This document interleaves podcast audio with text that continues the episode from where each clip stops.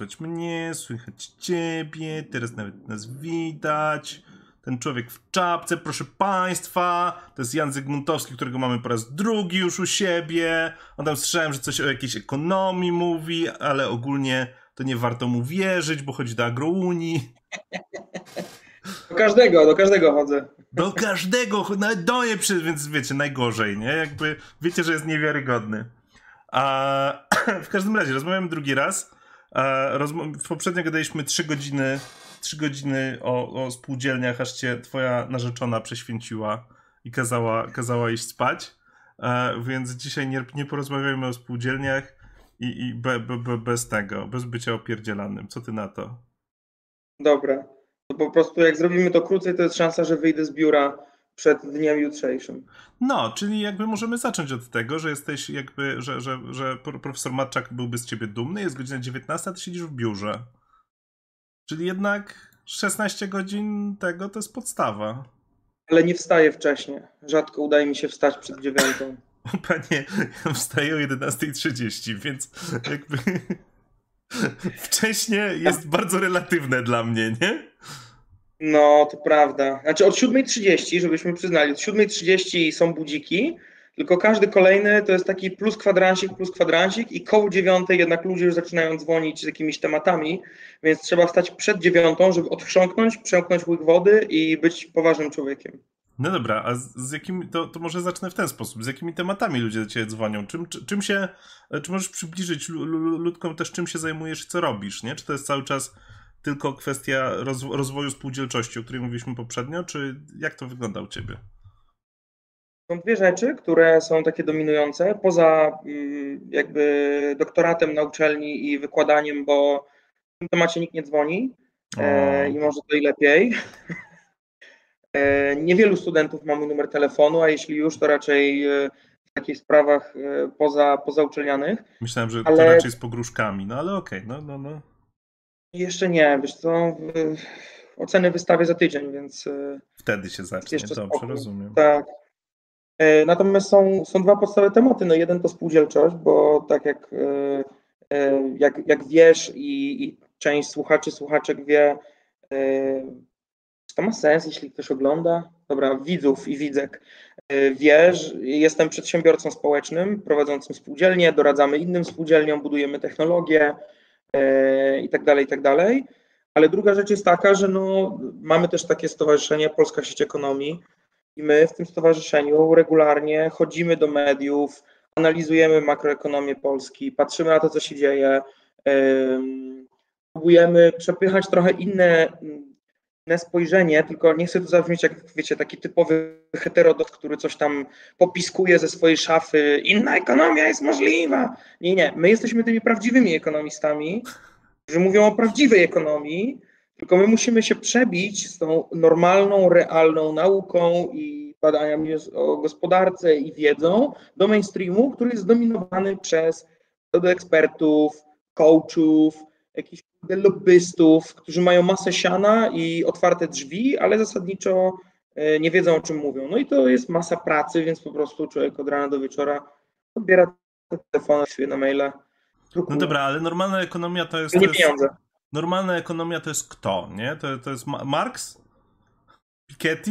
Kto to? Kto to? to? Też, też. Nie no, Piketty oczywiście. Znaczy normalna ekonomia to jest to, o czym się dzisiaj w powiedzmy tym, tej debacie naukowej rozmawia, tak? To jest to, co e, to są bieżące analizy, do których się wszyscy odnoszą, to są dane, które są na bieżąco analizowane, to są ci, którzy uczestniczą w tym jakby obiegu i w nim argumentują. To się może wydawać, nie wiem, takie trudne do wejścia z zewnątrz, jak ktoś nie jest w tym obiegu, ale yy, ten obieg ma swoje takie wypustki.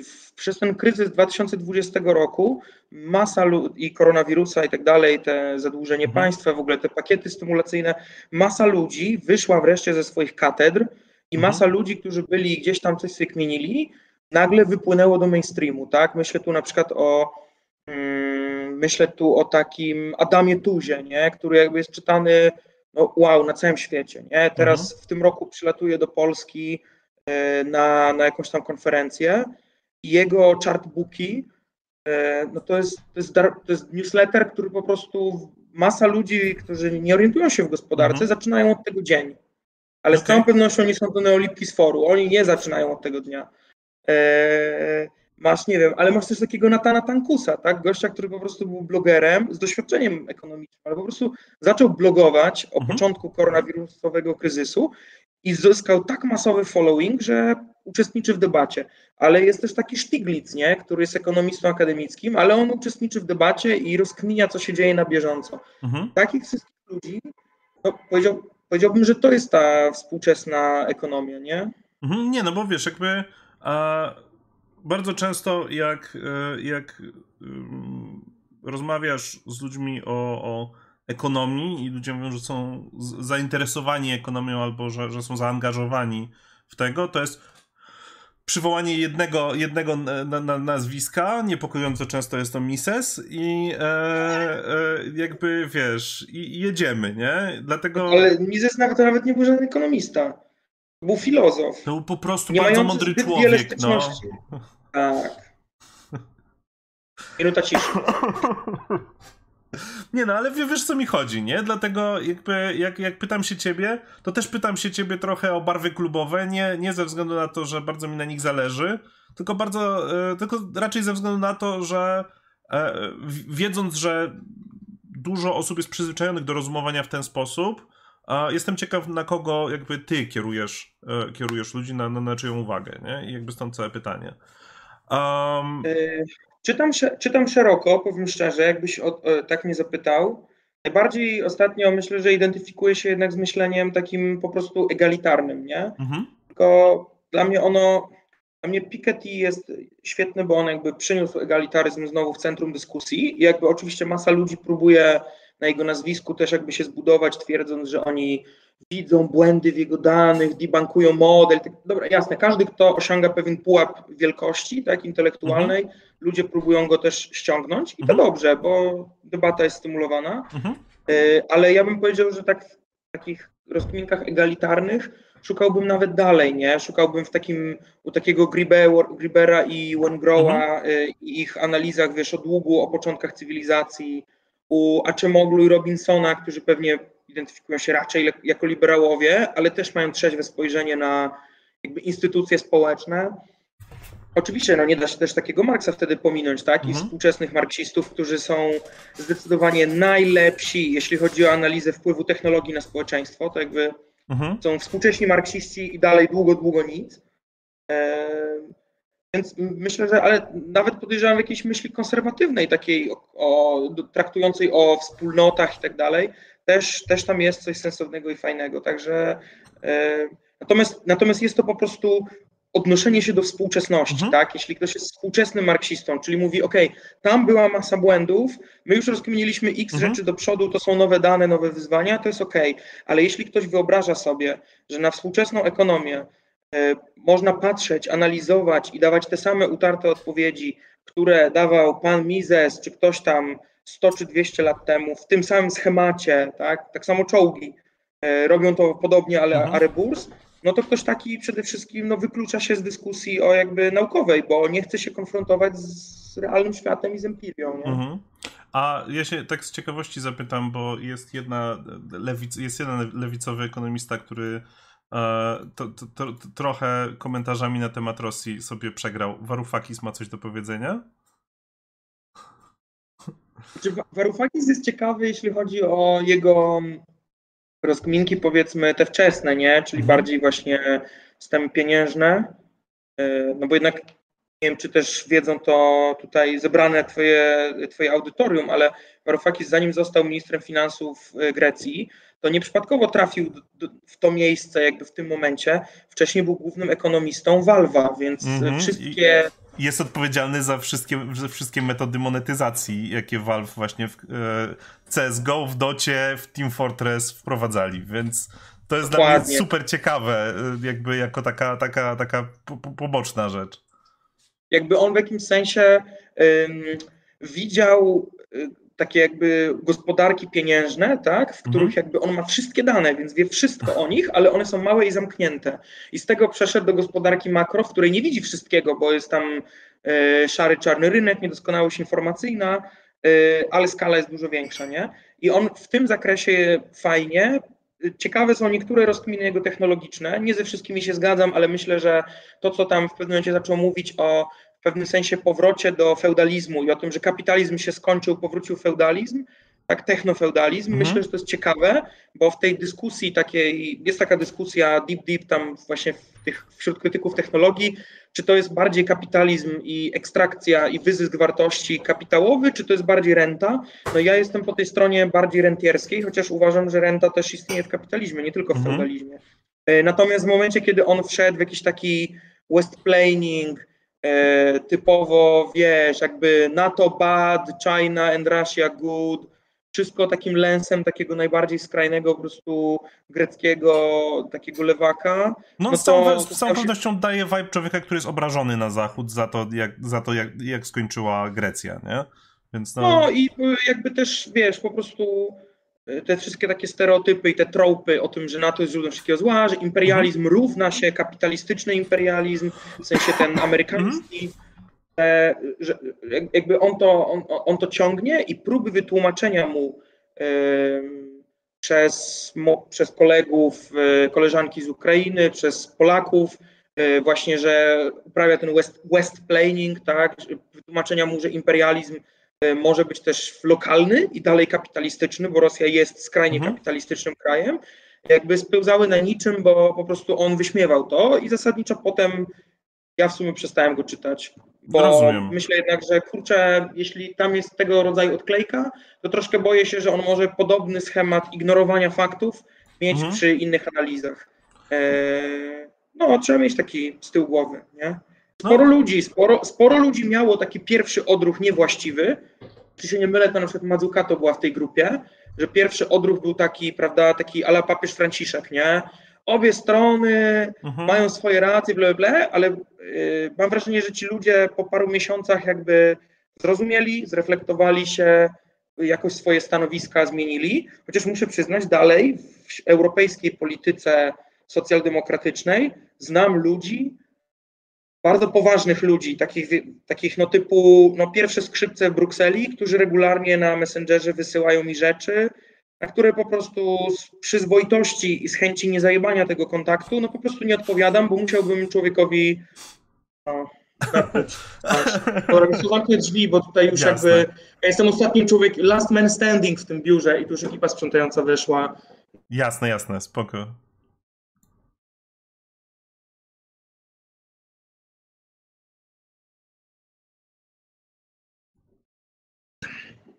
E, no, w sumie, w sumie jakby powiedziałeś, po, podsumowałeś jakby to, co, co myślałem o Warufekisie. Jakby koncept technofeudalizmu jest z pewnością czymś, o czym jakby bardzo co bardzo siedzi w mojej głowie, nie? Bo jest jakby ciekawą wizją interpretowania tego, co się, co się dzieje. A, natomiast, no właśnie, on potem spadł z rowerka i ciężko stwierdzić, czy jak o tym kolesiu dalej myśleć, nie? Więc no, dziękuję, dziękuję za, za trochę potwierdzenie jakby tej perspektywy bo, bo e, myślę, że jesteś dużo, masz dużo lepsze spojrzenie na to niż tego. No dobra, e, ale to, to, to, to jakby zejdźmy, zejdźmy z, z, z nazwisk. A jakby ja tylko, tylko chciałem się upewnić jeszcze, co myślisz o takim koncie na Twitterze, który się nazywa Fiat Money, bo ono się wydaje mieć dobre spojrzenie na polską ekonomię. Kurde, powiem tak, to jest trochę, jakby Fiat, Fiat Money ma trochę taki trollski vibe, znaczy nawet nie trochę, ma mega. Tego czasu po wejściu tego, po wejściu Ilona, tam próbowano, w sensie Ilona Maska jako właściciela Twittera, tam próbowano dodać dużo różnych takich mechanizmów, e, takich zalgorytmizowanych mechanizmów cenzury, nie, filtry. I Fiat Money przez to, że ciągle repostował te same obrazki, mhm został podłapany przez te filtry i miał swego czasu jakieś tam krótkie zawiesiny, ale mu się udało blokować. Jestem szczerze ciekaw, kto to jest. Bo mhm. moim zdaniem to jest osoba, która patrząc na to, jak często postuje i w jakich godzinach i jaką ma świadomość i kogo zaczepia, też za granicą, moim zdaniem to jest jakiś day trader, mhm. Który siedzi na rynkach finansowych, pewnie nawet zarabia jakieś grube, grube siano, E, i po prostu w ciągu dnia jakby no, większość czasu siedzi przed kompem, siedzi, po prostu patrzy, e, co tam się na platformach dzieje, w sensie platformach finansowych i w międzyczasie po prostu luźna trollerka i cały czas wrzuca te, te, rzeczy, nie? I myślę, że dlatego też ludzie go tak nie znoszą, ponieważ on ma tych różnych, tej, tej amunicji po prostu intelektualnej z zakresu mhm. Tego, co dzisiaj nazywamy MMT, chociaż tak naprawdę ma długą, długą historię, mhm. tak? Jakby finanse funkcjonalne, czartalizm, jakby ta logika jest z nami w naukach ekonomicznych od mega dawna, tylko to jest nowy rebranding pod nazwą MMT, no to ja myślę, że ludzie po prostu są, są wściekli, bo to jest trudne do zrozumienia, co on wrzuca, wymaga przemyślenia, mhm. to są takie czyste empiryczne dane, więc jakby nie można po prostu powiedzieć, a, a mnie się wydaje inaczej. Yy, rozumiem, że ludzie trochę uważają, że to jest ktoś, kto przychodzi jakby nasra na stół, tak, i po prostu na szachownicę i tyle. No problem polega na tym, że on tak nasra na szachownicę, że ci szachuje króla, nie? I jakby co robisz wtedy? Złościsz się, że to był gołąb, czy po prostu przyznajesz, że przegrałeś, nie? Mhm. Nie, no właśnie ja jestem, ja jestem wielkim, wielkim fanem, jakby patrząc na, na, na dużą część tego, co tam się pojawia, dlatego byłem e, ciekaw twojego, twojego Ale muszę przyznać, jest jedna rzecz, w której się, y, się nie zgadzam i to się nie zgadzam i z, i z Fiatem, tylko nigdy nie miałem szansy, powiedziałem mu, że kiedyś się w tym nie zgadzam i nawet szerzej trochę w PLSE mamy takie poczucie, że większość z nas chyba, jeśli już, tak na przykład w książce Polityka Fiskalna dla Regeneracji, sobie określiliśmy raczej jako osoby, które są bardziej w nurcie finansów funkcjonalnych niż MMT. Mhm. Bo to MMT dzisiaj, ono przybiera, znaczy co do tego, jak się produkuje pieniądz, jakie są wskaźniki, mhm. to, że inflacja jakby pokazuje, że moce y, są niewystarczające tak produkcyjne, co do tego wszystkiego, jakby MMT bez wątpienia wygrało debatę. Tak? Już w 2020 mhm. roku została rzucona rękawica.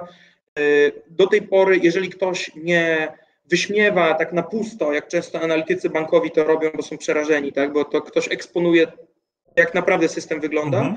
no to jeśli ktoś patrzy na to na serio, czyta, to postrzega dzisiejszą rzeczywistość, widzi, co jest grane, jakby po prostu to się potwierdziło. To, czego MMT nie bierze pod uwagę, moim zdaniem, to są dystrybucyjne efekty tej, e, ty, tych stymulusów fiskalnych i jakby i, i, tego, jak, jaka jest taka instytucjonalna logika tego kapitalizmu państwowego, tak? Bo jakby państwo wchodząc z tej roli, że dobra, y, możemy zasadniczo drukować tyle pieniędzy, ile chcemy, jeśli y, rośnie inflacja, to widzimy, gdzie są zatory podażowe na przykład, y, możemy zasadniczo tak długo jak bezrobocie jakiekolwiek istnieje, to jest przestrzeń na stymulację, bo ewidentnie można kogoś zatrudnić albo automatyzować mhm. i tak dalej. Super, to wszystko jest prawda. Tylko pytanie brzmi, jaki jest mechanizm selekcji, e, gdzie umieścimy pieniądze przez państwo, nie? No mhm. i to jest ta, ta rola, którą zasadniczo spełniają banki prywatne. Oczywiście robią to mega, w mega zbajasowany, for-profitowy, kapitalistyczny sposób, z czym jako przedsiębiorca nieraz się zetknąłem, tak? Mhm. Robiąc rzeczy, które nie są prostu zgodne tylko z maksymalizacją zysku. E, więc jakby ta krytyka, krytyka jest w mocy tego systemu, że banki prywatne nie są najlepszym sposobem e, druku pieniądza, czy kreacji mhm. pieniądza i finansowania nowych przedsięwzięć. Natomiast zbywanie całej dyskusji stwierdzeniem państwo może nie jest enough. Rozumiem. Jakby już ustaliśmy, państwo może, tylko jak państwo wybiera i jakie są tego efekty, bo jeśli państwo jest w jakiś sposób przejęte tak, przez jakieś grupy interesu, typu grupy partyjne, albo jest przejęte przez, albo wiesz, jest takim kapitalizmem państwowym, w którym największe spółki Skarbu Państwa są faworyzowane, mhm. albo, y, albo jest zblatowane z jakimiś dużymi korporacjami, na przykład technologicznymi, które z powodów bezpieczeństwa i sojuszu geopolitycznego po prostu trzymają tutaj za rękę wszystkich y, kluczowych graczy politycznych i mówią im, jak, co mają robić, no to w takim momencie będzie znaczący wpływ takiej czy innej polityki, nie? Mhm. I to jest pomijane. I to jest to samo zresztą, co jest u Mazzucato. Ona też mówi, państwo jest przedsiębiorcze. Jakby okej, okay, fajnie, że państwo jest przedsiębiorcze, tylko teraz powiedz mi, dlaczego to przedsiębiorcze państwo woli budować auta elektryczne, które nawet nie wątpię, że się wydarzą, bo ten chiński, ten, ten chiński dostawca tej platformy, tak, podwozia, mhm. czyli ten y, Geli, nie? Oni to zrobią. Mhm. Dlaczego to jest to, a nie y, Elektryczne polskie rowery cargo, nowa seria, nie wiem, e, minibusów elektrycznych i tak dalej, i tak dalej, nie? Ten wybór jest wyborem jakby, którego się taki Fiat Mani no niestety nie odnosi. Mhm. A, no dobra, to jakby powiedziałeś bardzo dużo naraz, w związku z czym ja będę próbował to obierać teraz Sorry, na kawałki. Maniera nie, nie. akademicka. Bardzo, bardzo dobrze, że tego. Ja po prostu teraz będę próbował to obierać na tego, więc będę zadawał pytania, które nie wszystkie będą, wiesz, 10 na 10, ale zacznę od y, jakby kwestii stymulacji e, i, i tego, gdzie ta stymulacja powinna trafiać. E, patrząc z dzisiejszego punktu widzenia, patrząc z punktu widzenia tego, w jakim miejscu jesteśmy inflacyjnie, jak dużo, tak, jak dużo krzyku o inflację się dzieje i tak dalej, a czy uważasz, że Polska dała ciała w kwestii tego, że nie, nie, nie wzięła przykładu z USA i niektórych innych zachodnich krajów e, i nie zrobiła takich stymulusowych jakby czeków, tak? To znaczy dodatków stymulusowych w trakcie pandemii dla po prostu szeregowego obywatela, żeby ludzi utrzymać na wodzie? W praktyce Polska to zrobiła. Znaczy masz na myśli przez co? Prze, prze, prze, przez tarcze antyinflacyjne? Tak, nie, nie, nie, wcześniejsze, tarcze anty, anty, antykowidowe. No tak, tylko... Większość, większość tego stymulusu to były dawane przedsiębiorcom postojowe, tak? I to postojowe zasadniczo było po, podobnym wariantem, w sensie było inaczej z innym mechanizmem robione, ale było podobne do Trumpowego stimulus checks. Różnica była w wykonaniu oczywiście, bo u nas stwierdzono, że model, to jest to, jak myśli przeciętny pisowiec, że jakby właśnie taki, prawda, konserwatywny liberał, nawet jeśli się uwrażliwił już, że trzeba coś tam sypnąć ludziom, to mentalność dalej jest taka.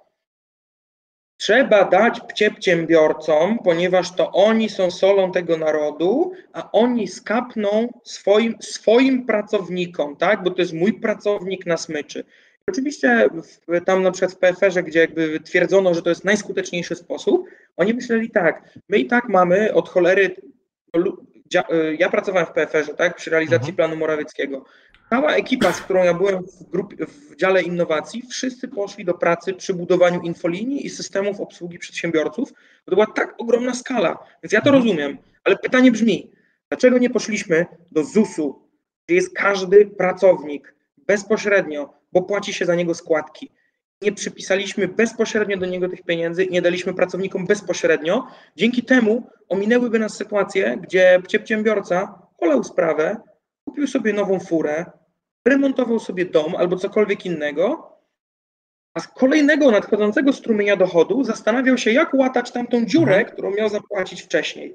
A i tak wszyscy wiemy, że praktycznie kar nie będzie, bo skala tych tarcz była tak ogromna, że jest nie do zwalidowania, kto dokładnie zrobił e, jakąś drobną księgową sztuczkę. Jest ten po prostu taki. E, no tak, ale jest też mnóstwo ludzi, tak? ale właśnie ja dlatego nie, nie widzę tego w ten sam sposób, e, bo mimo wszystko myślę o wszystkich ludziach, którzy nie podpadają pod pana przedsiębiorcę, nie podpadają pod, pod bossa i albo są, wiesz, dzielnymi JDG, które tak naprawdę nawet nie wiedziały, jak się, jak się, czy i jak się mogą dostać do tego tematu, albo są na śmieciówkach i jakby mimo wszystko plusem stymulusów e, tych zachodnich było to, że one trafiały po prostu do ludzi e, i, i e, też często, też w konsekwencji do, doprowadziły e, do tego, że ludzie mieli odwagę potem rzucić papierami w wielu miejscach, nie?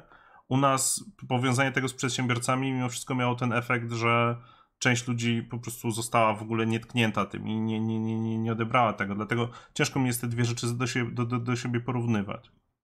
Okej, okay, to może perspektywa nasza inna wynika z tego, że jakby jak tylko wybuchła pandemia, my od razu widzieliśmy skalę jakby zamknięcia, widzieliśmy co prognozują neoliberalni ekonomiści, gdzie naprawdę przy no we Włoszech przecież na początku pamiętamy te ujęcia, nie? W sensie jakby mhm. Ciężarówki wojskowe wywożące trupy, bo nikt nie, nie ogarniał jeszcze w ogóle, jak z tą pandemią postępować. My dzisiaj tak sobie myślimy, że a to trochę taki mocniejszy Katar i tam jest jakiś ten, mhm. ale ludzie na początku w ogóle nie wiedzieli, jak reagować, więc nie było jasne, co robić i ci ludzie umierali y, no dużo szybciej, tak? Bez właściwej opieki medycznej.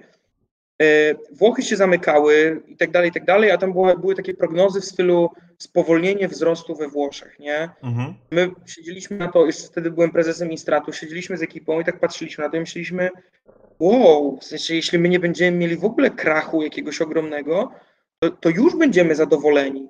Więc zaczęliśmy od razu pisać takie rzeczy, właśnie pomóżcie bezrobotnym, pomóżcie ludziom na śmieciówach, bo oni są najbardziej narażeni, są pierwsi do zerwania ich, do, do jakby puszczenia ich po prostu i stwierdzenia, dobra, to tych ludzi się pozbywamy, to jest pierwszy balast, a teraz zastanawiamy się jako firmy, co dalej, nie? Mhm. I, ale ale na, nasza główna teza była, wydawajcie siano, ludzie mają zobowiązania kredytowe, media, tak, typu, nie wiem, tam y, światło, y, kurde, ogrzewanie i tak dalej i wydawajcie. Więc dla nas sama perspektywa tego, że polski rząd zamiast tak jak w 2007 chwalić się, że jest zielona wyspa, bo śmieciowy mhm. skoczyły do 30%, y, rzucił się i zaczął coś prognozować, projektować, mówić, że coś mhm. zrobi. Najpierw mieli taką tarczę NBP-owską, luzowanie ilościowe. My od razu zaczęliśmy mówić, że to jest bez sensu, bo tu nie chodzi o to, żeby więcej pieniędzy miały banki, bo to mhm. jest luzowanie ilościowe, tak? Dajemy wam gotówkę za papiery,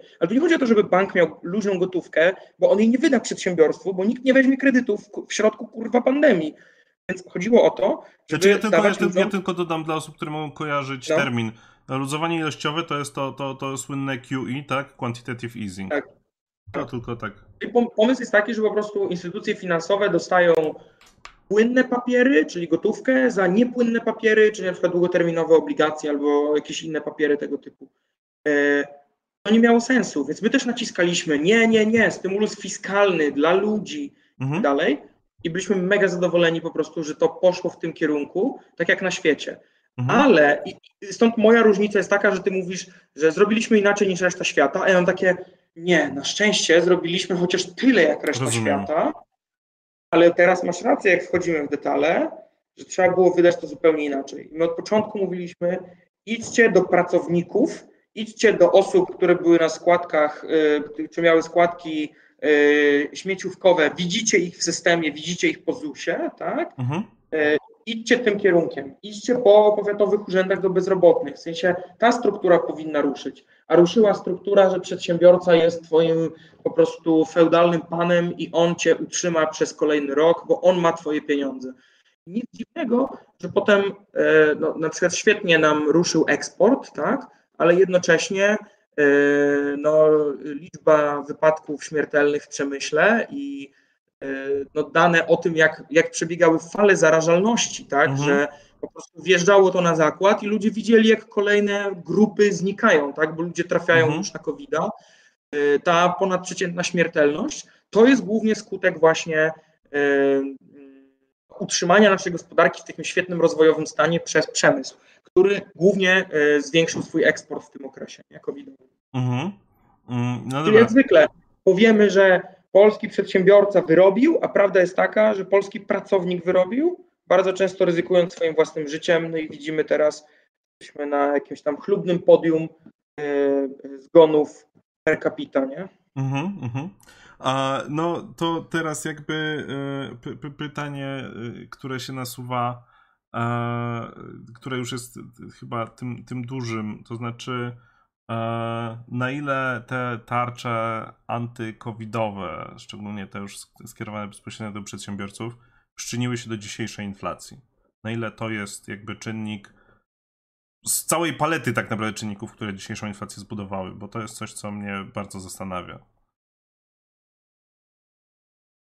Eee, powiem tak, e, istnieje na pewno korelacja pieniężna, tego się nie da wykluczyć. Mhm. Widziałem pro, nawet prosta korelacja jakichś agregatów typu M3 z, z, z, z, tą, z tą inflacją pokazuje, że jest. Natomiast moim zdaniem my się powinniśmy przyglądać nie prostym korelacjom na zasadzie coś rośnie, coś rośnie, tylko co wywołuje co. Jakim mhm. cudem, jakim cudem nie wzrosła nam ta inflacja w momencie, kiedy zostało, zostały te programy uruchomione, ani podczas pierwszej pierwszych wakacji, tak, kiedy nagle odmrożono branżę i gospodarka teoretycznie znowu, nawet usługi, y, hotelarstwo, wszystkie te rzeczy mhm. ruszyły. Dlaczego nie wydarzyło się to po roku trwania całości tego, dlaczego nie wydarzyło się, nie wystrzeliła ona w momencie, kiedy były, nie wiem, bony turystyczne, a więc było już kilka tych momentów, kiedy ten nagły przyrost mógł mhm. jakoś znaleźć swoje ujście na rynek. Tymczasem to, co się wydarzyło, to w większości te pieniądze, których my nie wydaliśmy na konsumpcję typowo usługową, one po prostu znalazły się w podwyższonym stanie oszczędności gospodarstw domowych. Mhm. I był to wspaniały moment, bo po raz pierwszy przeciętny Polak nagle miał jakieś oszczędności, bo normalnie mierzymy się z takimi realnymi statystykami, jak na przykład jedna czwarta Polaków nie ma oszczędności, nawet takich, żeby mieć na czarną godzinę na jednorazowy wydatek. Taki wydatek, jeśli się nie mylę, tam jest taka, taki specjalny wskaźnik, ale on, on jest do średniej pensji, on w tym momencie wynosi chyba coś koło 2,5 tysiąca. Mhm. Czaisz? Jedna czwarta Polaków nie ma 2,5 koła na koncie, żeby je wyciągnąć i zapłacić za rzecz w stylu to znaczy, szybciej być przyjętym na złam, za złamaną nogę w LuxMedia albo coś takiego. Wiesz, no jeżeli chodzi o w ogóle, z tego co pamiętam, to ten wykres oszczędności, to e, ty mówisz o jednej czwartej Polaków, którzy nie mają 2,5 tysiąca, ale e, tam jak patrzymy na dobijanie do, w oszczędnościach do 10 tysięcy, to już nam się powoli Polacy kończą, z tego co pamiętam. Więc tak. jakby to nie, nie jest tego typu problem. A umówmy się, że 10 tysięcy złotych, o ile jest kwotą, która komuś robi różnicę i potrafi być kwotą, która jest, wiesz, połową czy jedną trzecią legalnych zarobków w roku, E, to dalej e, też nie jest fortuną, nie?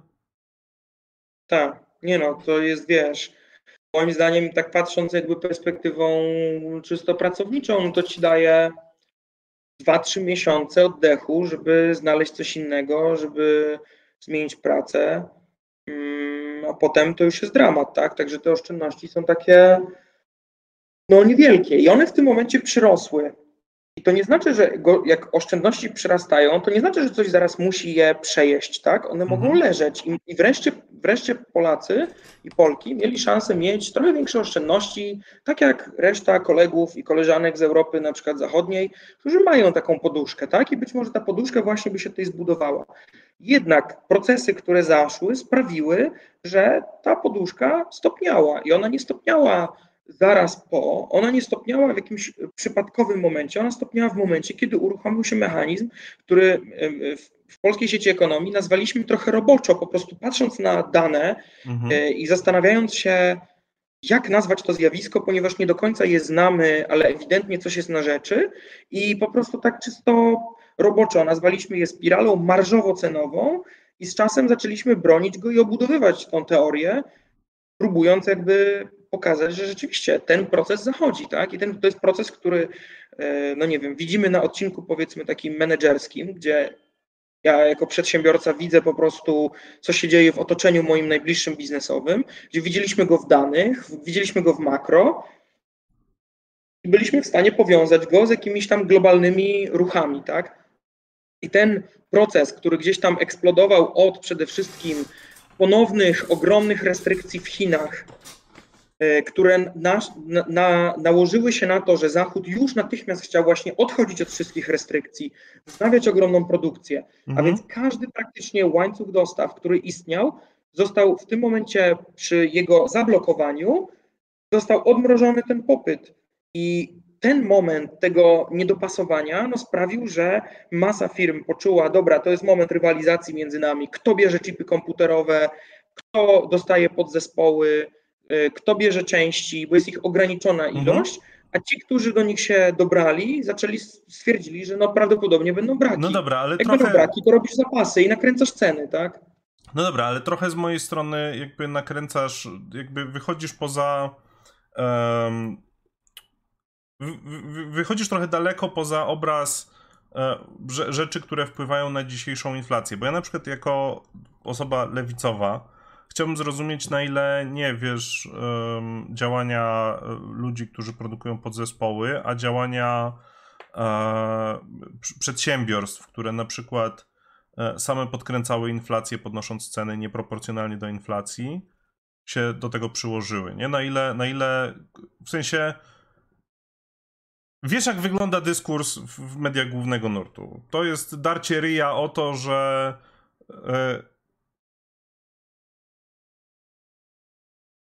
Sekundę. To jest darcie ryja o to, że, że, że Glapiński to sam tą po prostu on usiadł z kalkulatorem i naciskał razy, aż mu wyszła bardzo duża inflacja.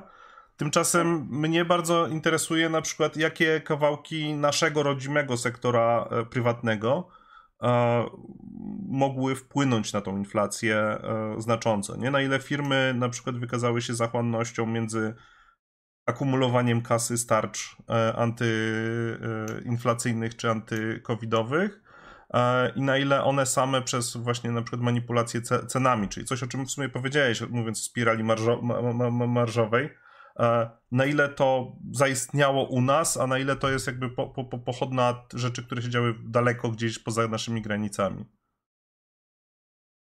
Znaczy ten proces został odpalony przez coś zupełnie realnego, nie? W sensie realne były te y, problemy z łańcuchami dostaw, realne było to, że E, jesienią 2021 roku Rosja już zaczynała opróżniać magazyny gazu w Europie, przygotowując mhm. się tak naprawdę do swojego uderzenia. Zresztą to wtedy już Amerykanie pierwszy raz zaalarmowali e, Europę, że będzie takie uderzenie. Co pamiętam, że jak usłyszałem to, wyśmiałem to na zasadzie typowy amerykański imperializm.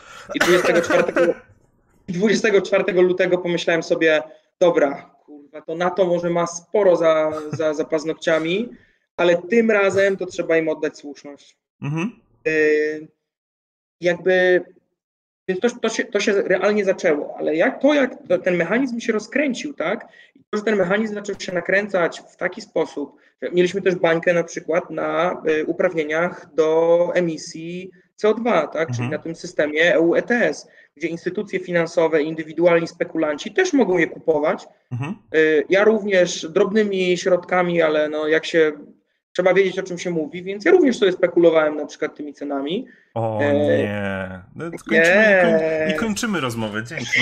Nie? Fajnie, fajnie było, nie? No, dzięki, ja tu, dzięki. Ja tu z przestępcami, oszustami, manipulant, nie wiem, no. Dobrze, kontynuuj. Ładnie, jak z GameStopem po prostu. Trzeba było wyklikać to swoje i poczuć, jest, dojechaliśmy. A na końcu siedzi BlackRock i się śmieje. Um, tak. Więc, więc, więc tam był taki moment, kiedy uprawnienia no, za tonę było 90 euro, nie? No to mhm. z poziomu 20-30 to był naprawdę niezły rajd. Mhm. Jakby realne podażowe czynniki były realne, ale to, że firmy odpowiedziały na nie, najpierw robiąc sobie, yy, próbując zrobić zapasy, no więc żeby zrobić zapasy potrzebowały gotówki, żeby zrobić gotówkę, tak, żeby kupić więcej niż zazwyczaj no to w tym celu zaczęły podnosić ceny, żeby mieć troszeczkę większą marżę i z tej marży kupić sobie nowe zapasy. Teraz jeśli znowu rosną koszty, bo wszyscy zaczynają kupować te podzespoły czy chipy, więc ich cena rośnie, mhm. to ta ich marża znowu topnieje, więc one znowu podnoszą cenę, żeby ich marża wzrosła, żeby znowu miały luz, z którego mogą znowu kupić. I w ten sposób ta spirala marżowo-cenowa może być całkowicie jakby ruchem, takim trwającym ruchem między przedsiębiorcami, którzy próbują między sobą rywalizować o te kurczące się zasoby. Tutaj nie kurczące oczywiście tak, wiecie, trwale, tylko tak mhm. chwilowo w tym momencie. E, o to, żeby je dla siebie wyszarpać, zachowując w miarę swoje zyski, tak? Mhm. Bo mogłyby zejść ze swojej marży i ze swoich zysków zainwestować, kupić ten nowy towar, no ale nie chcą tego robić. I naturalnie w takiej sytuacji ci, którzy mają największą przewagę na rynku, którzy mają monopol, oligopol, jakąś dużą koncentrację, bardzo rzadkie jakieś dobra, mają przewagę typu, nie wiem, e, platformę technologiczną, która narzuca innym warunki, no to oni mogą narzucić warunki i powiedzieć, dobra, słuchajcie, fajnie się rywalizowało, ale, ale ja wygrałem tą rywalizację, nie? I ja wygrywam najwięcej na tej inflacji. No i to jest sytuacja, którą e, Blanchard, totalnie mainstreamowy ekonomista, tak, były IMF i tak dalej, porównał do sytuacji, gdzie oglądamy sobie wszyscy mecz nie, na trybunach i powiedzmy, że ludzie w pierwszym rzędzie nagle wstali, tak? To jest ten nasz czynnik podażowy. Mhm. Nie wiadomo, no nie wiem, wstali, bo ich, no nie wiem, coś ukuło w tyłek. ok? Mhm. Ale drugi rząd na to też wstaje. I na to wstaje trzeci rząd. I wszyscy zaczynają po kolei wstawać. Jak już wszyscy wstaną, to nikt na niczym nie zyskuje. Mhm. Wszyscy znowu stoją i nikt dalej nic nie widzi, nie? Lepiej niż widział wcześniej. Tylko teraz w dodatku wszyscy stoją, a wcześniej siedzieli. No i jak się usunie ten czynnik podażowy z przodu i ci ludzie już mogą usiąść, to oni i tak nie usiądą. Trzeba by wymyślić jakiś sposób kolektywnego powiedzenia, dobra, na 3-4 siadamy, tak? Mhm. A teraz masz jeszcze sytuację, w której masz dużego gracza, który wyciąga telefon i mówi, ej, przynieś mi skrzynkę, nie? I on po prostu podstawia sobie skrzynkę pod nogi, stoi teraz na skrzynce i ma gdzieś całą resztę. Nie? Mhm. Na nich trzeba mieć jeszcze lepsze mechanizmy, żeby oni nie, nie podstawiali sobie tych skrzynek. Więc ostatecznie, no i oczywiście mamy moment potem wybuchu wojny, tak, czyli braki e, czy utrudnienia w dostawach węgla, w dostawach gazu, czyli znowu ten, ten kanał e, podaży surowców, nośników energii się zacieśnia. Nawet jak Chińczycy się odblokowali, chwilowo, bo znowu tam no, oni cały czas wracają, nie wracają, nie wiadomo, e, znowu się zacieśnił i mamy taki trwały problem, nie? Mhm. Tylko my widzieliśmy go, widzieliśmy go w rosnącej rentowności firm, Czyli w tym, że razem z tą inflacją ewidentnie rosła im rentowność, więc to one zarabiały więcej, ewidentnie. Ale nie ich pracownicy i to też jest jakby dość Tak. Widzieliśmy to, że pod koniec zeszłego roku okazało się, że e, to bodajże w ostatnim kwartale 10% PKB zostało zrobione tylko przez zapasy. Normalnie to jest około 3-4% PKB. Mhm. A część PKB jest poświęcona na robienie zapasów magazynowych. Jeśli tak eksplodują zapasy, to ewidentnie jest jakiś ruch w tym obszarze, tak? Coś tu się dzieje mhm. i to stąd bierze się inflacja. Dlatego my na koniec 2021 roku zaczęliśmy mówić, słuchajcie, może skupmy się na tym, nie na stopach procentowych, no bo NBP zaczął 6 października podwyżki, mhm. to powiedzieliśmy może zamiast stóp procentowych, bo nie wiem w jaki sposób cena kredytu rosnąca ma jakby wpłynąć na dostępność energii na przykład, tak? Albo na dostępność jakichś mhm. podzespołów. Mhm. To skupmy się na udrożnieniu tych kanałów podażowych, uruchomieniu może jakiejś kryzysowej produkcji, może nie wiem, wsparciu jakichś spółdzielni energetycznych, które trochę też z państwa zdejmą roboty czy z dużych koncernów, że to jest taka podażowa metoda robienia czegoś, nie? Tylko przez rok nas nie słuchano. Nie? No i doczekaliśmy. Teraz będzie, wasza, Dzisiaj... teraz będzie wasza zemsta? Nie, teraz wreszcie jakby, znaczy po po prostu trwającym roku, po tym, że jak się poprzesuwały te kanały dostaw, tak, mhm. jakby Niemcy wypchnęły już całkowicie ze swojego rynku Rosję gazowo. Mhm. Już nic nie muszą importować. Po prostu pozwiększały od wszystkich innych dostawców, podomykały umowy. Polska znalazła sobie inne źródła, które dostarczają węgiel, e, ma e, większe umowy, E, e, zima nie jest aż tak sroga, więc nas też nie dojechało, więc tutaj się Ach, Rosja Dzięki ci globalne ocieplenie. Tak jest. E, jak zawsze short term win i a long termowo kolejny problem. No teraz wiemy, jak się czują prezesi korporacji, nie? Jakby e, oni rozumują w ten sposób na co dzień, tak. jakby w kontekście tego, my rozumujemy tak w kontekście... Nie ma, nie ma potrzeby na węgiel, więc wygrana, więc po co się martwić tym, co dalej, no. Dokładnie. No i w całej tej układance widzimy już, że inflacja spada, nie? Mhm. No dobra, ale. moim zdaniem ona spada z realnych czynników, dlatego, nie, dlatego y, podwyżki stóp procentowych w Polsce zostały zatrzymane. Na świecie też jakby gołębie raczej wygrywają. Fed nie zrobił takiej szarży jak w latach 70. do poziomu 20%, tak? Mhm. Tak, by, tak było, jak w Iranie była rewolucja i Iran przestał dostarczać ropę. Wtedy Paul Volcker z Reaganem wymyślili całą tą bzdurę o tym, że to pracownicy i spirala płacowa, nigdy nie dowiedziona, nieistniejąca, ale ją wymyślili sobie pojęcie, że to ona za wszystko odpowiada. Dowalili y, stopy procentowe na 20%, złamali związki zawodowe, rozjebali po prostu małe y, i, i rodzinne przedsiębiorstwa w całych Stanach a na końcu po prostu i tak Arabia Saudyjska w OPEC-u się zgodziła, że dobra, to my zwiększymy wolumen, wjedziemy za Iran, no i co? Magicznie po trzech latach nagle spadła im inflacja. No spadła, bo, się, bo taka jest realna gospodarka.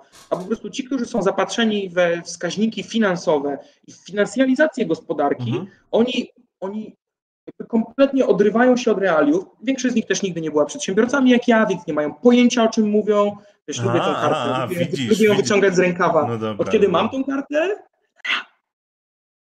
E, no tak, no i teraz jest nasz moment. W sensie teraz mhm. jest moment, kiedy wreszcie zaczęto nas słuchać, traktować poważnie i, i zaczynają się dziać pozytywne rzeczy, tak? No dobra, Dzisiaj no ale to jakbyś miał... Polskiego... Tak jakbyś miał teraz, w do, do, zaraz do tego, do tego no. jakby przejdę. Tak jakbyś miał jednym zdaniem powiedzieć, na kogo najbardziej się powinniśmy wkurwiać o inflację? W sensie jakbyś miał jednego największego winnego wskazać. To jest Glapiński? Nie no, Putin jakby to, to jest w ogóle bez żadnego zwątpienia. W sensie jak A w Polsce? jesteśmy na wojnie.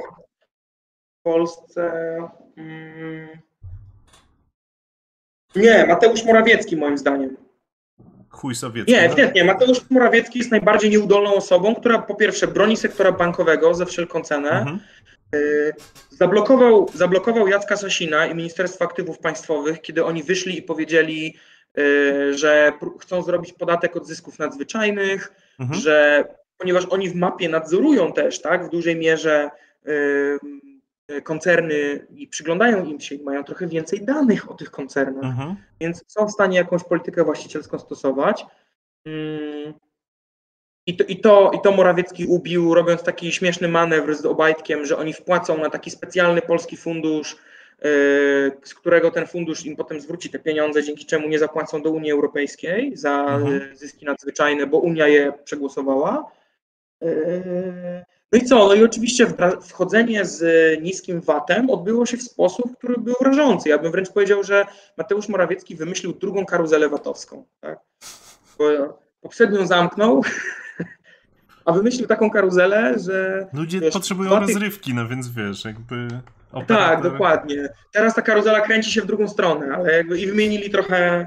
Yy, teraz jest elektryczna, wcześniej była na węgiel czy coś w tym stylu, ale znowu są mechanizmy, no bo to, że Biedronka skorzystała, to jest Biedronki, tak? Mnie to nie dziwi. To ona jest jedna z wielu. Mhm. Wielu skorzystało. Sorry, ale jedna Biedronka nie zrobiła wykresu rentowności po prostu yy, netto przedsiębiorstw.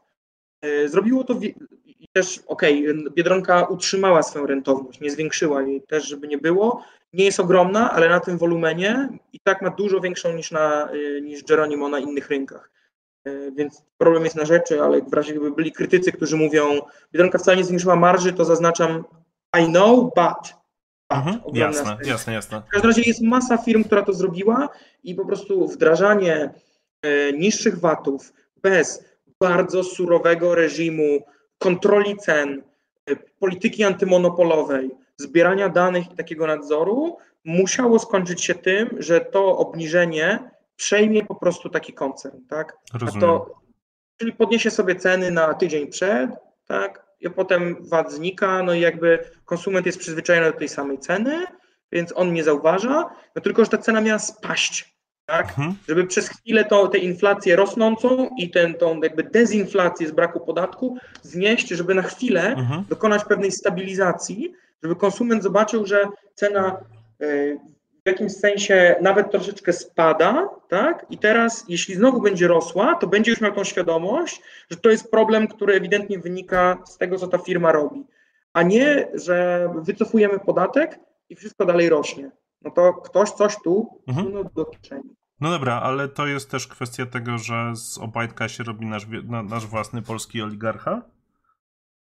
Bo on trochę, trochę, trochę to, to wygląda, nie? Jakby my się bardzo lubimy E, my, my, my, się bardzo lubimy e, z góry patrzeć na Rosję czy, czy, czy Ukrainę e, nawet, że, które, które obo oni mają oligarchów, a my nie. A, natomiast jak patrzę na, na, na działalność Obajtka, to ciężko mi jest myśleć, że, że to nie, nie idzie w tym samym kierunku i nie idziemy w kierunku zbudowania takiego bardzo bogatego pana, który będzie bruził nam w polityce przez długie lata. Ja myślę tylko, że powinniśmy e, raczej na to patrzeć jak na koreańskie czebole. W sensie to jest raczej myślenie typu kapitalizm państwowy, a nie uwłaszczenie, tak? Mhm. Ale Polska Balcerowicza, e, czy Ukraina, czy Rosja. Mhm. No bo to te same, Jasne. prawda? Balcerowicz, mhm. Gajdar to jakby ten sam rodzaj myślenia.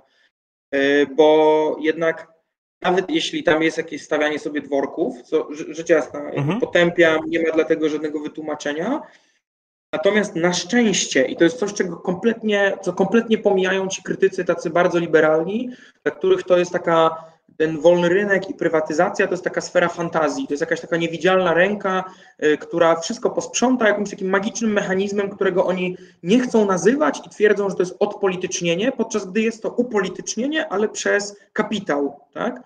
Y, to dalej jest spółka Skarbu Państwa. I jeżeli zmieni się władza, jeżeli, jeżeli Daniel Obajtek, y, albo nie zmieni się władza, ale Daniel Obajtek zawiedzie, albo cokolwiek innego, to na szczęście my zostajemy z tą instytucją, z tym Orlenem, mhm. który, co by nie było, inwestuje też w startupy, ma y, zajebiście wyposażone swoje, swoje te stacje. W sensie jakby możemy się trochę z tego śmiać, ale jednak są Ma bardzo dobre hot dogi. Dokładnie, ma bardzo dobre hot dogi, ma tą kawkę, fajne to są miejsca do, do wypoczywania w trasie, w sensie naprawdę, no ja wszedłem raz na Orlen, pomijając już trochę część tej takiej tych, e, takich narodowych dewocjonaliów, mhm. E, to, to, jakby wchodzisz tam i myślisz sobie, kurde, to się zrobiły takie troszkę takie paratawerny nawet, e, z taką przestrzenią jakąś chillaksową. Mm, I no to jest CPL okay. to nie jest zdecydowanie, no jakby ja kłam. No ale z drugiej strony, e, wiesz, no jakby połączenie, czy wchłonięcie właściwie e, PGNiG e, i, i fuzja z, z, z Lotosem, to są takie rzeczy, które robią z Orlenu jednego wielkiego molocha, nie? Jakby a, z jednej strony możemy się cieszyć, że państwo jest znaczącym udziałowcem, E, ale e, jak patrzę na, na Orlen czy na e, KGHM, no to dalej się zastanawiam, no fajne mamy, fajne mamy te spółki Skarbu Państwa, tylko one nie przynoszą pieniążków głównie państwu, a Orlen staje się monopolistą na rynku. To nie brzmi przesadnie dobrze, nie? Nie staje się, jest. No, jest, tak? Jest, no. W hurcie, w hurcie na przykład, no to mhm razy drzwi. 80% wszystkich paliw dostarczanych innym stacjom to jest Orlen, nie? Więc y, for all practical reasons jest monopolistą. Tak, rozumiem to i jakby roz, rozumiem ten argument. Myślę, że on jest zasadny, tylko na szczęście to nie jest model ukraiński w tym sensie, że jak y, się zmieni władza, czy cokolwiek innego się wydarzy, to my mamy ten ten jakby aset, który jest w tym sensie kapitalizm państwowy jest lepszy od kapitalizmu wolnorynkowego, że mamy ten aset, a nie Daniel Obajtek jest prywa, prywatnym przedsiębiorcą, który jest monopolistą z największym tego typu podmiotem. Tak? I to jest dopiero nieusuwalna sytuacja, bo wtedy dyskusja o tym, czy ktoś manipuluje stacjami paliw, czy powinna być kontrola NIK. Jaka kontrola NIK? prywatna, święta własność. W ogóle tej dyskusji by nie było. Samo to, że my możemy prowadzić tę dyskusję, jest na szczęście powiązane z publicznym e, e, modelem. Natomiast, czy powinniśmy konsolidować w ten sposób? I don't know. Myślę, że myślę, że niekoniecznie. Myślę, że jednak jakiś poziom e, nawet w, w państwie jakby rozdrobnienia tych instytucji jest mhm. korzystny, żeby one miały swoje osobne jakby sposoby myślenia, tak, swoje trochę cele inne i żeby mogły je uzgadniać, a nie konsolidować, bo od mhm. konsolidacji jest to państwo, a nie ten jeden y, kolosalny y, podmiot. A druga rzecz, cały czas powtarzam, że moim zdaniem, jeśli zobaczyliśmy, że coś, że nadzór publiczny nad państwową firmą jest za mały, to to nie jest przyczynek do tego, żeby jeszcze go osłabić przez prywatyzację, czyli na przykład wykupienie przez, nie wiem, francuski Total i wtedy będziemy wszyscy zadowoleni i pan e, Grabowski z drugim innym analfabetą ekonomicznym podadzą sobie ręce uśmiechnięci, tylko to jest przyczynek do tego, żeby wzmocnić społeczną, demokratyczną, publiczną kontrolę, tak? Powiedzieć na przykład, od tej pory Rada Nadzorcza, która wskazuje zarząd, nie może być tylko rządowa, tylko na przykład wskazuje ją Rada Dialogu Społecznego. Tak? Istnieje coś takiego. Po to ją powołaliśmy, żeby jak cywilizowane państwo mieć dialog między pracodawcami, e, pracownikami, związkami zawodowymi i rządem. No dobra. I oni w trójkę się dogadają. Nie umieją, no to koncern będzie e, bez zarządu. No dobra, ale to też pytaniem jest dla mnie, czy uważasz, że, że jakby jest konieczna, czy potrzebna, czy jakkolwiek byśmy to sformułowali, e, troszeczkę zmiana tego, jak funkcjonują spółki Skarbu Państwa też w kontekście tego, komu przynoszą zyski? Bo tak. no, jakby tak. Orlen mógłby dużo więcej do polskiego budżetu wkładać, niż wkłada w tej chwili, e, patrząc na to, jakie zyski właśnie on czy KGHM generują. Już pamiętajmy, że to jednak w sensie łatwo się mówi, że to są spółki Skarbu Państwa. To są spółki giełdowe, mhm. których jakby nie patrzeć, Skarb Państwa ma, ok, pakiet kontrolny oczywiście, ale mniejszościowy. Jeśli wszyscy akcjonariusze pozostali uważają, że to jest taka dramatyczna polityka, która jest prowadzona, mhm. to mogliby się zebrać. Tylko guess what? Oni tak nie uważają.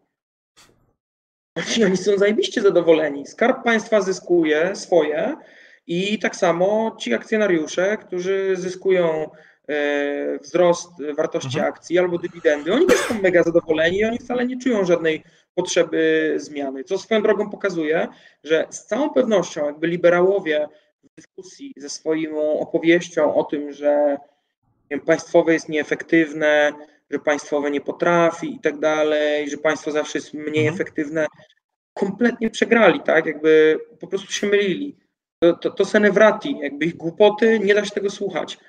Problem właśnie no jest wtedy, wiem, kiedy państwo jest zbyt efektywne. Cię ale ma inne cele niż cię, ty. Ale ja słyszałem z takiego mądrego pana, który powiedział, że można wszystko sprywatyzować poza najbardziej strategicznymi rzeczami, ponieważ aparent, apparently energetyka nie jest strategiczna w Polsce. I pan... Ten pan wystawił swój dom już na sprzedaż. Ja bym bardzo chciał, żeby wystawił. Zacznijmy od prywatyzacji jego domu i jego ubrań. Jak je sprywatyzujemy, to będziemy gadać wtedy o państwie, dobra? Oj, kurwa, komuniści przyszli, no. No i zawsze. Nie! Zawsze burżuazje napadają. Prywatyzuj, no ale gdzie tam? Znaczy, mnie jakby w tej wypowiedzi dalej najbardziej rozbawiła idea, że, że e, jakby na, na nasze rafinerie nie są strategicznym asetem, który, który e, jakby nie wiem, co jest bardziej strategicznego niż energia, nie? A dlatego słuchałem tego człowieka i mi trochę, trochę witki opadają, ale, ale byłem ciekaw, co powiesz na ten temat. E, natomiast, e, no, no, no dobrze, to jakby teraz chciałbym przejść troszeczkę do twojego, twojego, twojego konika, e, to znaczy zła inflacja, zła inflacja, ty przez cały rok mówiłeś o tym, że jakby energetyka powinna być bardziej zdecentralizowana, że powinniśmy stawiać na spółdzielczość energetyczną, na inwestowanie w to o co właściwie z tym chodzi? Dlaczego, dlaczego to, jest, to, to ma być lepsze niż atom i, i, i jak to może pomóc z inflacją? W ogóle nie mówię, że to ma być lepsze niż atom, tylko jest y, szybkie i krótkoterminowe. To znaczy w tym sensie, że jest do uruchomienia teraz mhm. i gdyby, gdyby zasadniczo działać tak szybko, jak tego to sugerowaliśmy, tak? Czyli na koniec 21 zaczęliśmy nieśmiało mówić, że hej, może to jest kierunek, to dzisiaj mielibyśmy już sfinansowane, działające, e, produkujące super tanią energię w lokalnych społecznościach spółdzielnie i prawdopodobnie mielibyśmy inflację niższą nawet o kilka punktów bazowych. Być może dzisiaj nawet nie przekraczałaby 10%. No tak? dobra, ale wiesz co, jakby jak mówisz o lokalnych społecznościach, to moje pytanie od razu się nasuwa. Kto to są te lokalne społeczności, które zainwestują w takie energetykę? Bo to mnie brzmi jak same bogate ludzie, a, a, a znowu biedni nic na tym nie zyskają. Znaczy wiesz, ograniczenia w tym momencie prawne są takie, że muszą być to e, spółdzielnie w gminach e, wiejskich i miejsko-wiejskich, czyli w ogóle, a ponieważ nie ma czegoś takiego jak prosument wirtualny jeszcze, to odpada nam w ogóle inwestowanie z dużych aglomeracji miejskich. Ci ludzie w ogóle z dużych miast jakby w ogóle w tym nie uczestniczą. No dobra, ale, ale wiesz, ale bogaci ludzie uciekają właśnie pod miasta, do tych gmin, do tych gmin właśnie, które są, które nie są miejskie, więc jak jesteś naprawdę najbogatszy, to, to tak. właśnie mieszkasz w domu, po, po, wiesz, pod Warszawą, pod Poznaniem, czy gdzieś tego i to brzmi jak właśnie ta gmina, gdzie możesz jeszcze bardziej zabezpieczać swoje bogactwo, właśnie e, tworząc sobie jakąś spółdzielnię, która ci na energii pozwoli oszczędzić. I cały point jest w tym, żeby nie robić tego w takim modelu, że ta osoba walnie sobie solary na dachu i ma wszystkich wokół gdzieś, tylko w takim modelu, w którym mm, na przykład obok jest też rolnik, który ma y, ziemię, y, która nie jest rolna, tak? I na niej i możemy wspólnie zainwestować. Tak naprawdę powiedzmy sobie to szczerze, bardzo często to samorządy inicjują to, tak, bo mhm. to one mają ogromne zużycie w komunalnych budynkach, e, często spółki komunalne inicjują to razem z mhm. samorządem, tak, bo na przykład, nie wiem, zakład e, od, e, przetwarzania odpadów czy coś takiego. I oni razem z mieszkańcami niejako zawiązują po prostu spółdzielnię na zasadzie mamy wspólną inwestycję, zrzucamy się na nią, wspólnie się rozliczamy, i autokonsumpcja, tak, a dzięki temu mamy masę korzyści w całym tym systemie. No i do tej pory takich spółdzielni zarejestrowanych jest no kilka, w sensie w rejestrach KOWR-u, czyli e, e, o mój Boże, wsparcia rolnictwa. Krajowa coś, nie wiem, ko Kowru mogę tak. zgooglować. Ośrodek, Krajowy Ośrodek Wsparcia Rolnictwa, sorry, e, późna godzina już. E, w Kowrze są trzy chyba zarejestrowane, ale Kowr jest trochę spóźniony, w KRS jest około 50. My w naszym pipeline doradczym jesteśmy w kontakcie z około 30 społecznościami i to są najczęściej samorządy małe, to są spółdzielnie mieszkaniowe, które e, albo robią spółdzielnie, czasami prosumenta zbiorowego, ale no spółdzielnie mieszkaniowe duże w tym kraju no potrafią sięgać na przykład 10 tysięcy, 20, 30 tysięcy ludzi. To są de facto nawet kilka osiedli, które razem są zarządzane i one mają też skalę wtedy, nie, żeby inwestować. Mhm. To i są to często też takie na przykład lokalne grupy działania, czyli takie w mniejszych miejscowościach to są często takie grupy typu przedsiębiorca społeczny, jacyś ludzie z NGO-sów, jakiś mhm. rolnik bardziej uświadomiony, którzy mają coś takiego właśnie, co się nazywa LGD i oni jakby w ramach tego LGD pozyskują wspólnie środki unijne albo inaczej współpracują. Są też na mhm. przykład takie lokalne grupy rybackie, akurat w rybołówstwie yy, i tak dalej, i tak dalej. Nie? Więc takie grupy są różnorodne ja bym powiedział, że wcale nie ma tam aż tak dużo jakichś takich super bogatych ludzi. Oni raczej nie są otwarci na taki duży dialog ze swoją, ze swoją lokalną społecznością, są zupełnie wyalienowani i dla nich wystarczy walnąć panele na ich działce i nie są zainteresowani tym, tym dialogiem. Raczej robi się coś w rodzaju takiego sojuszu klasy średniej, która czuje deklasację i czuje, że musi znaleźć sobie sieci oparcia i wtedy mhm. nawet wciąga do siebie ludzi z klasy pracowniczej. Czy, czy możesz powiedzieć, co, co, co znaczy termin deklasacja? Deklasacja, no wiesz, przy, przy, przy, takiej inflacji i tym, że spada udział płac w PKB i mhm. konsolidacji rynkowej podmiotów, bardzo dużo ludzi, którzy czuli się klasą średnią, mogli sobie pozwolić na więcej, mhm. y, przestają sobie mhm. pozwalać na więcej Jasne. i wracają do tego poziomu, powiedzmy, czuli, że są wyższą klasą średnią, bo mogą też pójść na, nie wiem, spa, na masaż, wysłać dzieci na jakieś nowe lekcje, mhm. nie wiem, tenisa, oni się orientują, że żadnej z tych rzeczy już nie mogą zrobić i wracają do poziomu wyszukiwania, czy w dyskoncie jest promocja. I dla nich to jest szokujące doświadczenie, no bo dalej sobie mogą na wiele pozwolić, ale jest to jednak doświadczenie spadku, który trochę rodzi, po pierwsze, zaczynają się porównywać, a co jak spadniemy jeszcze niżej do tamtego poziomu, tak, i będziemy po prostu jak te robole, ten strach istnieje realnie w klasie średniej, a druga rzecz, no to yy, yy, jednak ich aspiracje były większe, tak? Widzieli już ruch wzrostowy, mm -hmm. teraz zaczynają spadać. Yy, często ten szok poznawczy jest dużo większy niż u kogoś, kto zostaje na jednym poziomie. O, rozwałka. Muszę zabić kota, poczekaj. Przeproszę cię na sekundę dosłownie. Mój kot ma taką e, manierę, że on ogłasza, że będzie zrzucał rzeczy z, z lodówki, po czym je zrzuca. I właśnie to zrobił. Zrobił trzy razy miał, miał, miał, a potem jeb, nie? I jakby e, to jest bardzo miło z jego strony, że, że, że ostrzega, ale dalej jest to mocno irytujące. e, no dobrze, ale jakby wiesz, my patrzyliśmy na statystyki um, ubóstwa e, jakby skrajnego i relatywnego i jakby widzieliśmy oskarże, znaczy, oskarżenia, ostrzeżenia, że no, y, jesteśmy, jesteśmy na, na, na, na trendzie wzrostowym. A czy jakby w kontekście dzisiejszej inflacji, która, która powoli jakby ma perspektywę spaść, a y, patrząc na to, że mówiłeś przed sekundą o deklasacji, to, to, to jakby wydaje mi się to zasadne to pytanie. Czy, czy myślisz, że. Czy... Przestań. Czy myślisz, że... Dobrze, przyszedł. Przyszedł się... Nie, Stigmento. E, czy, czy, czy myślisz, że, że należy się spodziewać jakby właśnie wzrostu w tym obszarze? W sensie, że, że, że będziemy mieli wzrost ludzi? Tak.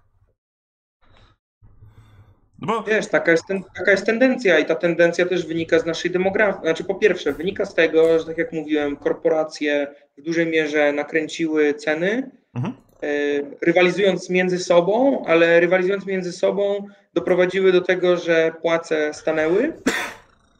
E, mhm. Widzimy, że zyskały, e, zyskali, zyskały przedsiębiorstwa. Udział zysków w PKB wzrósł o parę punktów procentowych, w tym roku wzrośnie. Płac spadł. Mhm. Powinno być naturalne to, że po stronie nawet ludzi pracujących może być duże grono takich, którzy wpadną w tą grupę. Pamiętajmy, że bardzo często w przytułkach dla osób bezdomnych wcale nie są tam ludzie, których y, często utożsamia się z jakiegoś rodzaju, prawda, żulikiem. Y, mhm. Wykluczeni, bezrobotni, bez niczego, po prostu y, tacy kompletnie odcięci od świata. Bardzo dużo ludzi, którzy są bezdomni, to są osoby, które pracują. Mhm. Ale w Polsce, I... w Polsce też jest tak, że, że jest dużo osób e, bezdomnych pracujących, bo zawsze ten trend kojarzył mi tak. się z USA głównie. Gdzie, Nie, w gdzie... Polsce też. Tutaj polecę, może kontrowersyjne, ale polecę Nowego Obywatela. E, o, parę, już, parę już dobrych kwartałów temu e, w znanym piśmie Ermika Okraski, który do dzisiaj ma mnie za paniczyka. Zabawne, bo Myślę, że ma więcej ze spółdzielczością w tym momencie wspólnego niż on, jak pisał o tym całe życie. Ja myślę, że e, niestety oni się zajmują po prostu zawodowo kłóceniem ze wszystkimi i to jest... E... To prawda, ale nonetheless sama gazeta jest solidna i był tam mhm. kiedyś świetny wywiad z człowiekiem, który właśnie prowadzi prowadzi takie schronisko i on wprost mówił, że no wiesz, te wymogi, które stawiają, że trzeba być tam trzeźwym i tak dalej, sprawiają, że ten rodzaj twojego lokalnego pijaczka tam nie trafia. Trafiają mhm. właśnie ci, którzy przychodzą tam, śpią, wstają rano i idą do pracy. Mhm. I czasami ci ludzie trafiają tam z własnych jakby błędnych decyzji życiowych, mhm. co jednak jest przykre, że trochę ich dojeżdża, tak, na przykład płacą alimenty, tak, bo mają dziecko, yy, nie, rozstali się, muszą płacić alimenty, w tym momencie wpadli w jakąś albo mają jakieś stare jeszcze długi nawarstwione, nie stać ich już na to, żeby mieszkać itd., tak itd. Tak Błędne decyzje z młodości przekładają im się na życie, a część tych ludzi po prostu gdzieś na przykład problem zdrowotny, tak? Jeden raz złamana noga, wypadają z pracy fizycznej, nigdy do niej nie wracają, yy, mają jako, jakieś, jakieś coś, tak? Typu call center, no i to wystarcza na przeżycie od pierwszego do pierwszego. ja się tutaj... Tego typu, ja no. tutaj muszę tylko wetnę i mówię, no i teraz usłyszałem, jak właśnie kolejny człowiek powtarza, powtarza o tym, jak to alimenty krzywdzą mężczyzn i ja nie wiem, co ja mam powiedzieć. A... Słuchaj, Słuchaj to, to, że krzywdzą to jedno, pytanie brzmi, czy zasłużenie. O Jezus, to jakby teraz to już ty wszedłeś w, w, w liberalizm. O, zasłużyli sobie na to. No panie. Nie, nie, ale... Nie no, chwila, jako społeczeństwo ustalamy pewne zasady, tak? Jeśli ktoś na przykład jest złodziejem, bo nie płaci podatków, albo jest złodziejem jak Mencen, bo optymalizuje innym yy, i pomaga im unikać podatków, to w końcu tych ludzi trzeba złapać za rękę i trzeba ich ukarać solidnie. To jest normalne, żyjesz w społeczeństwie. Ja zawsze to odpowiadam lipkom, którzy myślą, że stoją ponad prawem. A, nie, dobrze, ja się, po prostu, ja się po prostu, wiesz, trochę śmieję, bo ja też swoje, swoje dyskusje z meninistami mam na koncie. Więc jakby a, ja trochę jak, ja, ja, wiesz, mam taki odruch od razu, kurwa, e, jak słyszę, że ktoś mówi, no tak, no i są biedni przez to, że muszą alimenty płacić, nie? Co oczywiście jakby wiadomo, że okoliczności są różne, ale ja strasznie nie lubię tego mitu, który za tym idzie. To znaczy, że po prostu e, alimenty rujnują mężczyzn, nie? Nie, to się zdarza, ale ci ludzie ponoszą konsekwencje błędów, które popełnili, jakby this is, this is life, no jakby Pewne rzeczy trzeba brać na klatę, nikt im nie kazał podejmować takich decyzji, nie? Fajnie jakbyśmy jako państwo, y, nonetheless, dawali im normalnie mieszkać w swoim własnym mieszkaniu, zarabiać i wtedy płacić alimenty. To byłoby chyba zdrowsze niż życie w przytułku, nie? Ale to jest już pytanie o politykę mieszkaniową, a nie o alimenty, których są sobie winni. No, tu się muszę zgodzić, no, że, że, że jakby to jest kwestia. Ale wiesz, jeszcze wracając do tego ubóstwa, bo druga rzecz jest taka, że nasza demografia jest nieubłagana. Jakby ludzie, którzy, bo wiesz, na przykład ludzie dzisiaj nie kumają, dlaczego cały czas, na przykład młode pokolenie, które często nie ma takiego emocjonalnie zabarwionego i przez to fałszywego poglądu na lata 90., tak? Y, młodzi ludzie są lepiej wyedukowani niż w latach 90. ludzie. Widzowie, byli. proszę Fakt. zatkać uszy, on będzie złe rzeczy o Balcerowiczu mówił. Proszę, proszę nie Są lepiej wykształceni, są lepiej oczytani w literaturze też zagranicznej i mamy więcej danych, które pozwalają nam oceniać. A zatem każda młoda osoba dzisiaj ocenia jakby dosyć celniej, tak? Może mhm. zrobić to trzeźwiej niż ludzie, którzy w latach 90. poruszali się w tym i często nie widzieli nic poza swoim po prostu najbliższym otoczeniem. Mhm. I ludzie się zastanawiają, czemu te tam ci ludzie chodzą na te wykłady, ośmieszają tego Balcerowicza, pokazują, że on jest przygłupem, e, że jest skompromitowany. Zostawcie już tego dziada, niech tam se gada, prawda? To nie są bieżące wyzwania. Otóż są, bo konsekwencje tego, że celowo zrujnowano rynek pracy, celowo zrujnowano masę przedsiębiorstw, tak? Centralnym planowaniem, jakim był na przykład Popiwek, tak? To było centralne planowanie, jakiego nigdy nie było w PRL-u. Ustanowienie podatku 200% to jest coś, przy czym Gomułka, Bierut, Stalin, oczy by im wyszły na wierzch i stwierdzili, łoho, tak chyba się nie da sterować centralnie gospodarką. O, hold my beer, Leszek to zrobił. E, I przy, to, co oni zrobili, doprowadza do tego, że dzisiaj są ludzie, którzy nie mają wielu lat, kiedy odprowadzali składki na ZUS. Mhm. Dostają głodowe emerytury. Ci ludzie też trafiają do tej grupy osób, mhm. które są poniżej jakiejś tam granicy ubóstwa, tak, żyjący, są, żyją w ubóstwie. I ten odsetek rośnie, E, bo radzimy sobie z konsekwencjami po prostu tych lat 90., a później też wczesnych 2000, tak, gdzie znowu bezrobocie 20% przed wejściem do Unii Europejskiej. Tego wszystkiego konsekwencje my ponosimy dzisiaj i ten odsetek będzie cały czas rósł, niestety, bo kolejna fala, która wejdzie w, za, do y, wypłaty emerytur za jeszcze jakiś czas, to są ci ludzie, którzy zdążyli się też załapać na boom śmieciówkowy i oni również za te lata mają znowu ucięte y, i zmniejszone okresy składkowe i znowu będą mieli mniejsze emerytury. ZUS mnie informuje, że ja mam chyba z, z, poniżej 100 zł a, emerytury, więc wiesz, ja mam wypracowane 14 miesięcy, nie? Więc jakby ja doskonale wiem, o czym mówisz.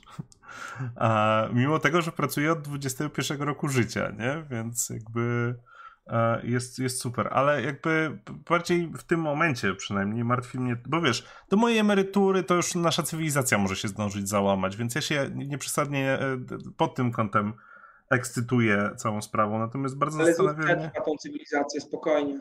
Co? Słuchaj, 20 lat już trwa wieszczenie, że ZUS upadnie. Wszyscy... Yy, o nie, guru, upadek ZUS-u mnie nie martwi.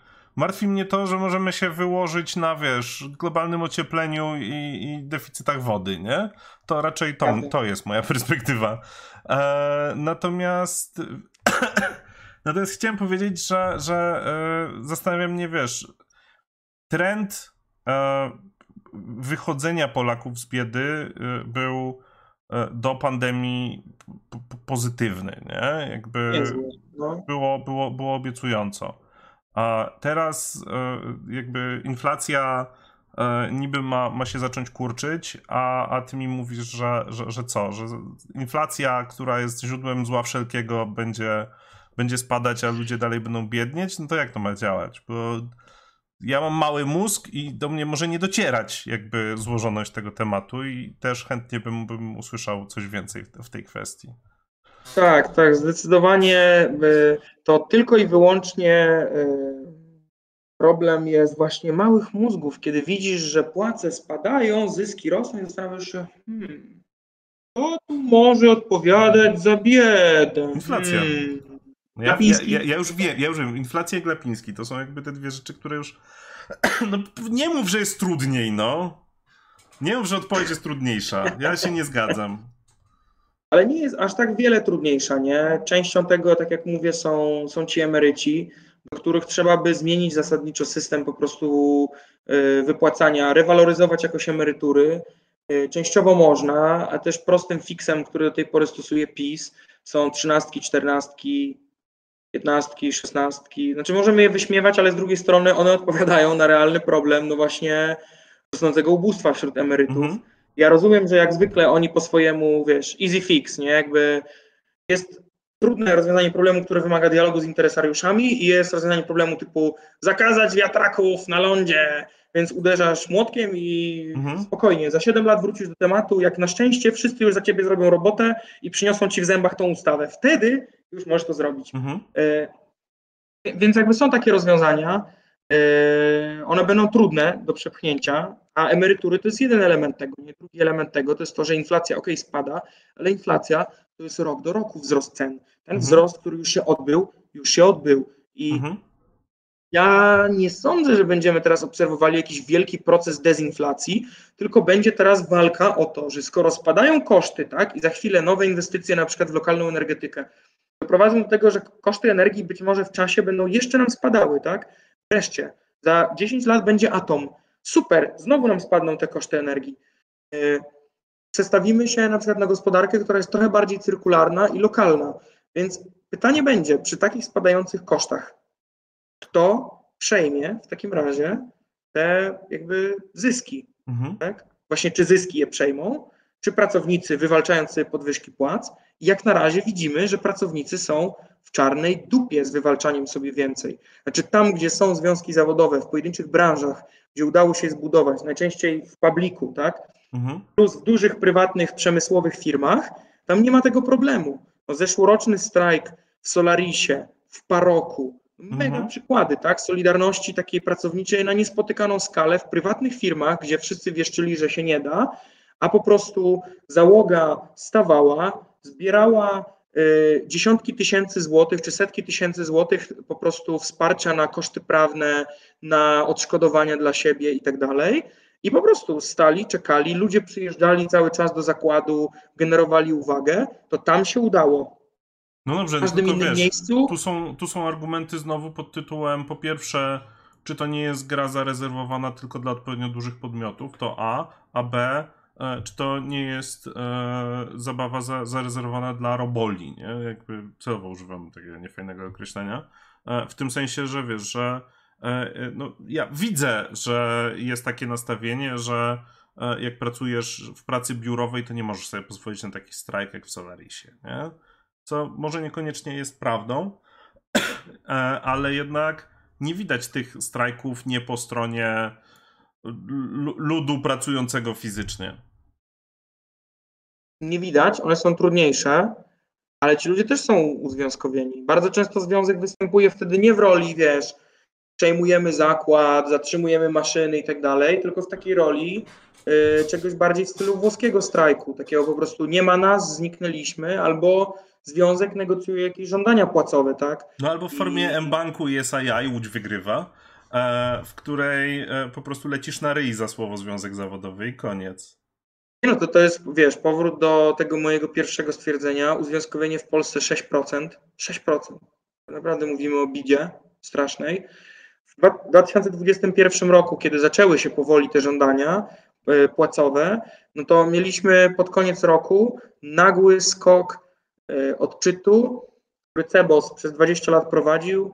E, proste pytanie, czy w Pana Pani zakładzie pracy e, istnieje swoboda działalności związkowej. Mhm. I po raz pierwszy mieliśmy nagły skok tam z 20%, którzy mówią, że nie ma, do 40%. Nie?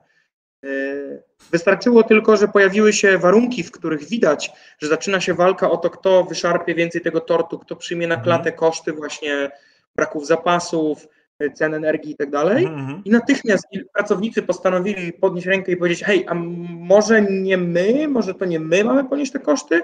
I natychmiastowo okazało się, że 40% ludzi się zorientowało, że ich konstytucyjne prawa są po prostu łamane. Nie? Mm-hmm. E, tak długo, jak nie będzie dużo szerszej fali zapisywania się ludzi do związków zawodowych, formowania się tych związków, nawet jeśli też tego to teraz oglądacie, słuchacie, to nie jest tak, że wy jako związek musicie, po pierwsze, nie musisz być w bardzo dużym przedsiębiorstwie, możesz dołączyć do takiej środowiskowej, tak, takiej międzyzakładowej komisji. Pewnie to jest trudne, jak jest dwóch pracowników, ale jak jest już pięciu czy siedmiu, to już ma to jakiś sens. Yy, związek zapewnia pomoc prawną, związek przyjdzie i zainterweniuje yy, i pomaga też w takich po prostu negocjacjach, tak, w wzmocnieniu argumentacji. E, moja narzeczona Nadia, która pomaga bardzo często uchodźczyniom z Ukrainy, które przyjechały tu pracować, ma takich sytuacji, które znam po prostu z e, powrotów jej do domu i opowiadania tych historii. No takich historii e, bardzo dużo, historii, gdzie na przykład regularnie ostatnia pensja nie była wypłacana, no bo bierze się ostatnią, przedsiębiorca kradnie ostatnią pensję, wykopuje osobę i mówi, że mop był ubrudzony. Nie wiem, nie podobało mi się to, jak uśmiechasz się do klientów, nie?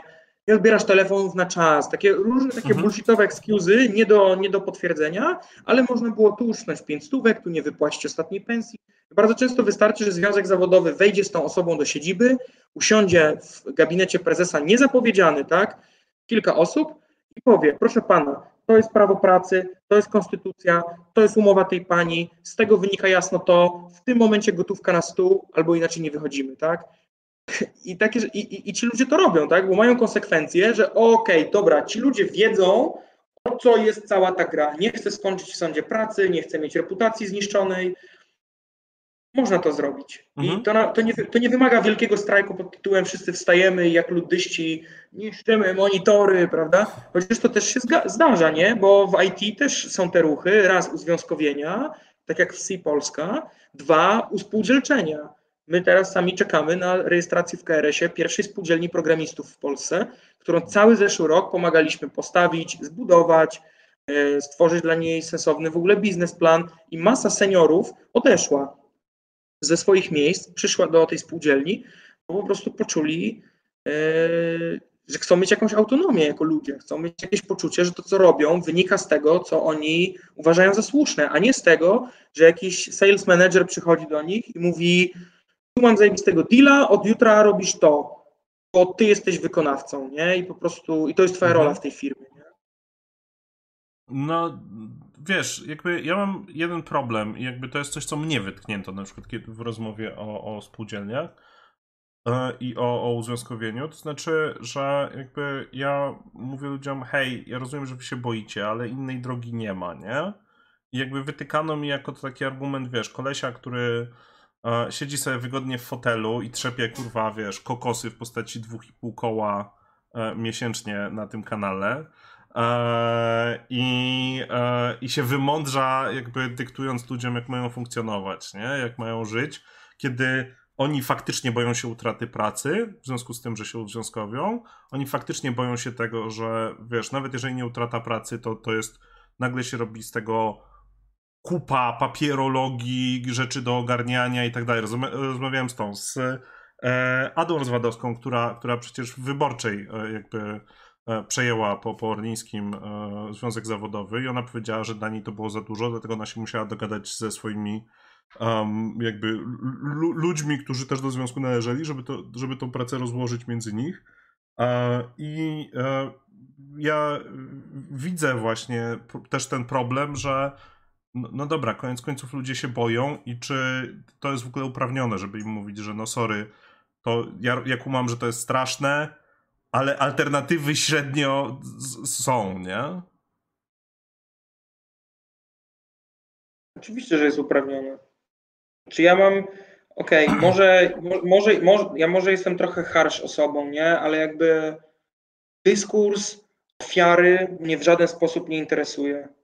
Jeśli ktoś chce być wieczną ofiarą, to po prostu to nie zdziałamy niczego razem. Solidarność zaczyna się od tego, że jesteśmy wzajemnie za siebie solidarni, a nie od tego, że wyciągam rączki po to, żeby ktoś mi pomógł ja nic z tego, ja nic w zamian nie zrobię. Ja widzę, jacy ludzie są zdolni do tej solidarności. Pamiętam, jak zrobiliśmy spotkanie z doradcą prezydenta e, Luli, prezydenta Brazylii, Ladisławem Dowborem.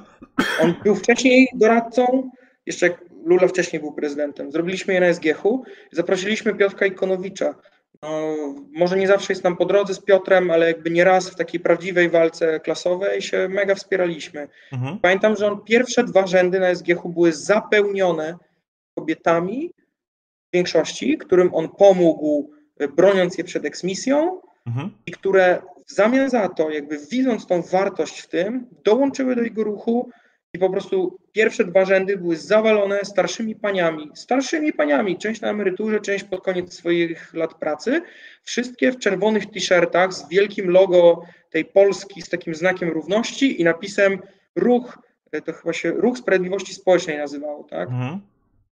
E, czy nazywa dalej. I ja sobie tak myślałem, kurczę, jakby jakby te panie są mega odważne one są mega odważne. Weszły do gniazda wroga, tak, do jaskini lwa na ten SG, żeby usiąść w tym pierwszym rzędzie i pokazać wszystkim tą solidarność, nie? i one jeszcze przed chwilą były tymi ofiarami.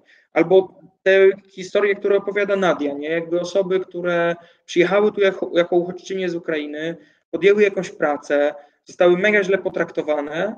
E, no i jakby wiadomo, że w pierwszym odruchu tym osobom trzeba pomóc, nie? Więc mhm. jakby to nie jest pytanie typu, jakby ja nie mówię ala Libek w stylu, tak, tak, trzeba ludziom dawać tam wędkę i będziemy ekstra. Nie, dajesz i rybę, i wędkę. Rybę dajesz tak długo, aż ktoś się nauczy obsługiwać wędkę. A nie, mhm. to nie jest żaden wybór, nie?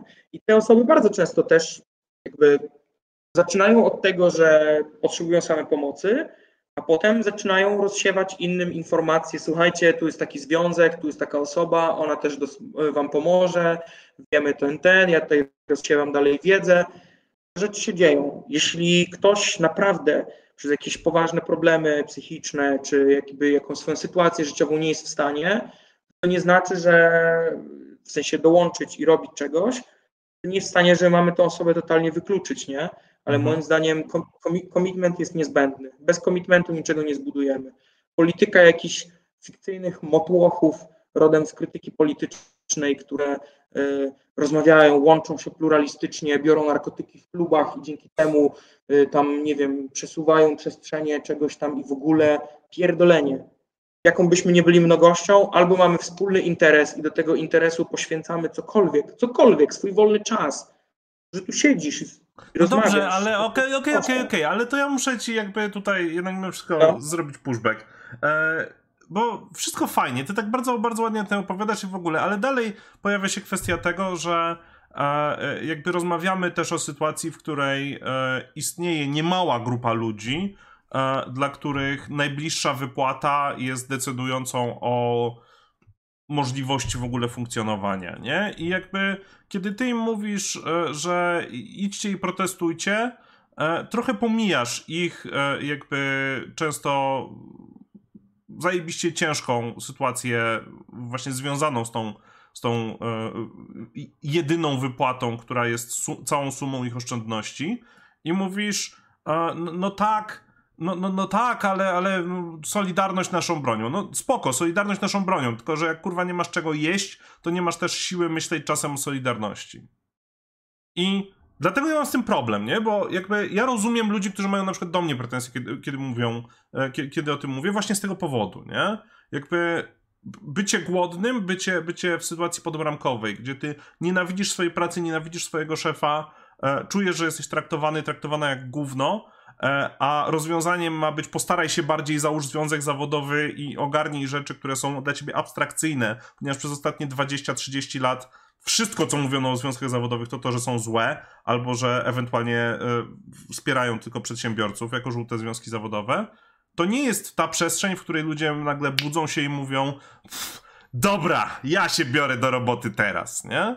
Bo mówisz o dzielnych, o dzielnych paniach, e, e, e, dziel, dzielnych starszych kobietach. Nie? My słuchaliśmy e, tych kobiet, które, które walczą z ZUS-em o e, w związku z tym przesunięciem wieku emerytalnego i, te, te, te, i wpadły w tą dziwną dziurę, gdzie, gdzie jakby nie dostają należytych tego. One istnieją, to są ludzie, którzy, którzy walczą, nie? ale to są dalej ludzie, którzy w kontekście rozumienia przeciętnego Polaka, przeciętnej osoby, one nie, ci ludzie nie istnieją. Nie, nie ma z kogo brać przykładu, przykro mi. I Ikonowicz jakby przy całym, przy, przy, przy wszystkim dobrym, co robi, też nie jest przykładem, nie? I dlatego ja mam problem z rozmawianiem o tym w tym kontekście, że jak słyszę jakby feedback od ludzi, którzy mówią e, to może być dla mnie za dużo, to ja wiem skąd ten feedback się bierze i wiem skąd to poczucie się bierze nawet jeżeli czuję, że, że no, no, to, to jest to, co musimy robić. Dlatego jestem ciekaw,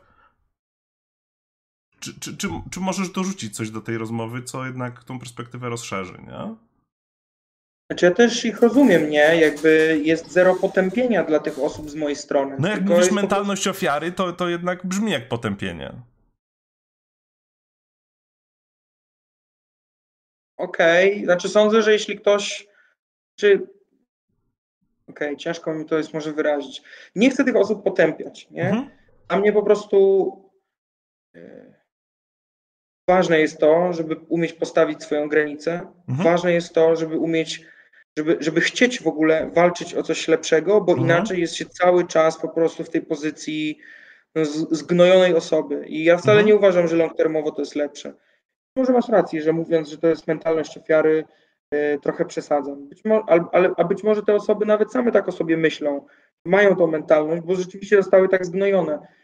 To jest cała praca związków zawodowych i my też przecież no, w spółdzielni robimy tą robotę ze mhm. związkami, że idziemy do nich i mówimy, słuchajcie, to jest wasza robota, żebyście nauczyli się komunikować i pomagać ludziom zakładać związki, tak? E, po to powstał cały chatbot e, Nadzieja, tak, na stronie pracujgodnie.pl, ale też na stronie OPZZ-u, no bo to OPZZ stworzył tego mhm. chatbota, znaczy zlecił nam stworzenie mhm. tego chatbota, gdzie jakby uznaliśmy, ok, być może dla wielu ludzi jakby pokonanie tej pierwszej bariery to będzie to, że będzie zautomatyzowany chatbot, który będzie mógł naraz odpowiadać na wszystkie wątpliwości ludzi. Mhm. Zebraliśmy ekspertów z różnych dziedzin, z różnych związków, zapytaliśmy o co są typowe problemy i tak dalej, i tak dalej, mhm. ale at the end of the day ten chatbot mówi ci jedno, ok, jeśli odpowiedziałem na wszystkie pytania, przemyśl, czy nie chcesz dołączyć do związku, mhm. bo może w ten sposób zdziałasz więcej. Jeśli nie, no to okej, okay, to tutaj po prostu kończy się ta wspólna podróż, nie? I więcej nie zrobimy. Więc ja też puszuję na związki, żeby one wychodziły bardziej, żeby, żeby robiły więcej. Za chwilę będziemy realizowali, znaczy za chwilę, no to tak beta jeszcze potrwa parę miesięcy, ale jeszcze w tym roku wypuścimy aplikację społecznościową zasadniczo, mhm. która jest taka społeczno-spółdzielczo-związkowa właśnie. E, i to też na pewno powinno pomóc ludziom w organizowaniu się w sposób bardziej anonimowy. Mhm. Też wiesz, w wielu zakładach ludzie dołączają anonimowo i są po prostu szeregowym członkiem. Listę ma tylko zarząd, nie? Nie trzeba jej ujawniać pracodawcy, więc mhm. ktoś chce zaangażować się w minimalny sposób, może dołączyć do związku, płacić składkę i się za bardzo nie wychylać, nie? Ale przynajmniej już w ten drobny sposób to może coś budować. Więc My ze swojej strony, jako ruch spółdzielczy czy związkowy, obniżamy bariery wejścia, ale po drugiej stronie musi pojawić się ta minimalna wola. Jak jej nie ma, no to po prostu nie potępiając ludzi, przepraszam, jeśli byłem za ostry, po prostu nasze drogi się w takim przypadku rozejdą. Nie? No dobra, a jakby wiesz, jeżeli masz osobę, która czuje się niekompetentna w kwestii organizowania się, tak? W sensie w kwestii, że jakby związek zawodowy. Yy, osoba X uważa za słuszny, uważa za, za tego, ale ona e, jakby nie ma skilli organizacyjnych, żeby w ogóle zacząć go budować. To co właściwie mogę, może taka osoba zrobić w, w, w swoim miejscu pracy czy jego okolicach, żeby tą, e, żeby tą akcję związkową agitować, żeby jakby stworzyć przestrzeń do tego, że, że e, związki zawodowe mogą zaistnieć, nie? Czy to jest kwestia tego, że jakby, no niestety w takiej sytuacji ta osoba musi się zorganizować, czy to jest kwestia tego, że na przykład e, są organizacje związkowe, które są gotowe na wejście do miejsca, które, które, które jakby zastanawia się nad tym romansem. Są, są. Tak jak, ci, tak, jak, tak jak właśnie wspominałem, na przykład taka E, Konfederacja Pracy Młodych, no mhm. jest taką młodzieżówką, która, wiesz, bo to zależy właśnie od branży, od regionu. Nawet jak, jak cyfryzujemy teraz OPZZ, to jest bardzo duży problem, no bo ciągle słyszymy, ok, nie można zrobić jednego lejka sprzedażowego, jakby dołącz do OPZZ, bo OPZZ nie jest związkiem. Jest de facto taką parasolową strukturą federacji, mhm. federacji branżowych, które są podzielone geograficznie, mają różne okręgi i tak dalej. E, więc trochę zależy, zależy z jakiego okręgu i z czego ktoś jest. Ja bym bardzo chciał mieć jednoznaczną odpowiedź. To jest to, co teraz bardzo przepycham w OPZZ. Słuchajcie, i tak musimy zrobić taki lejek, żeby tą osobę poprowadzić do właściwego koordynatora. Natomiast jeśli ktoś jest młody, może dołączyć do, do młodzieżówki, jak jest bardziej anarcho-syndykalistyczny, nie lubi budować rzeczy i mieć pieniędzy na działalność, ale lubi czasem coś rozwalić, to może dołączyć do inicjatywy pracowniczej, e, której trzeba oddać, że włazi w miejsca, w który, które są najtrudniejsze, typu Amazon, tak, i się tam rozpycha. Mhm. Jak woli mieć trochę większą strukturę i działać tak e, właśnie tak powiedzmy w, strukturalnie i tak konsekwentnie, metodycznie, no to Konfederacja Pracy Młodych w OPZZ też jest super i tam młode osoby, tak, często, i to młode jest tu szerokim pojęciem, y, często robią takie rzeczy właśnie bardziej popularyzatorskie, typu agitacja, typu organizacja, no, słynny związek zawodowy, który powstał po raz pierwszy dla pracowników platformowych, tak, pracowników Y, dostaw, dostaw żywności mhm. spyszne.pl, no właśnie powstał dzięki takiej akcji, tak? To znaczy skoordynowanej akcji z wielu telefonów zamawiania żywności, przez co tych ludzi dało się zwieść w jedno miejsce i przez kilka godzin posłuchać ich problemów, zebrać od nich dane, zagitować. Znaczy, poczekaj, czy, czy, czy, czy, czy, ja dobrze, czy ja dobrze rozumiem, że. Bo, to, bo nie słyszałem o tym, dlatego się teraz chcę dopytać. No. No. Zorganizowana akcja zamawiania żywności, znaczy chcesz mi powiedzieć, że żeby e, zorganizować pracowników pysznego, to po prostu były zamówienia żarcia pod tytułem dzięki za jedzenie, a teraz zostań kurierze? Czy, czy, czy, czy to, Dokładnie. To, to jest to? Okej. Okay. W, du w, dużym, w dużym skrócie yy, wiesz, nie wiedzieliśmy bardzo długo, ja od lat chciałem bardzo zorganizować któryś pracowników platformowych, żeby, żeby pokazać też innym, że można. Mhm. Bardzo długo i jakby yy, ta, apki e, przewozowe były zawsze takim oczkiem w głowie. Mieliśmy kiedyś człowieka, który też w jednej, w jednej innej z nich był, ale go wyrzucono. W Glovo były strajki, też masowo kasowano ludzi. No naprawdę takie mega chamskie zagrania mhm. ze strony tych platform.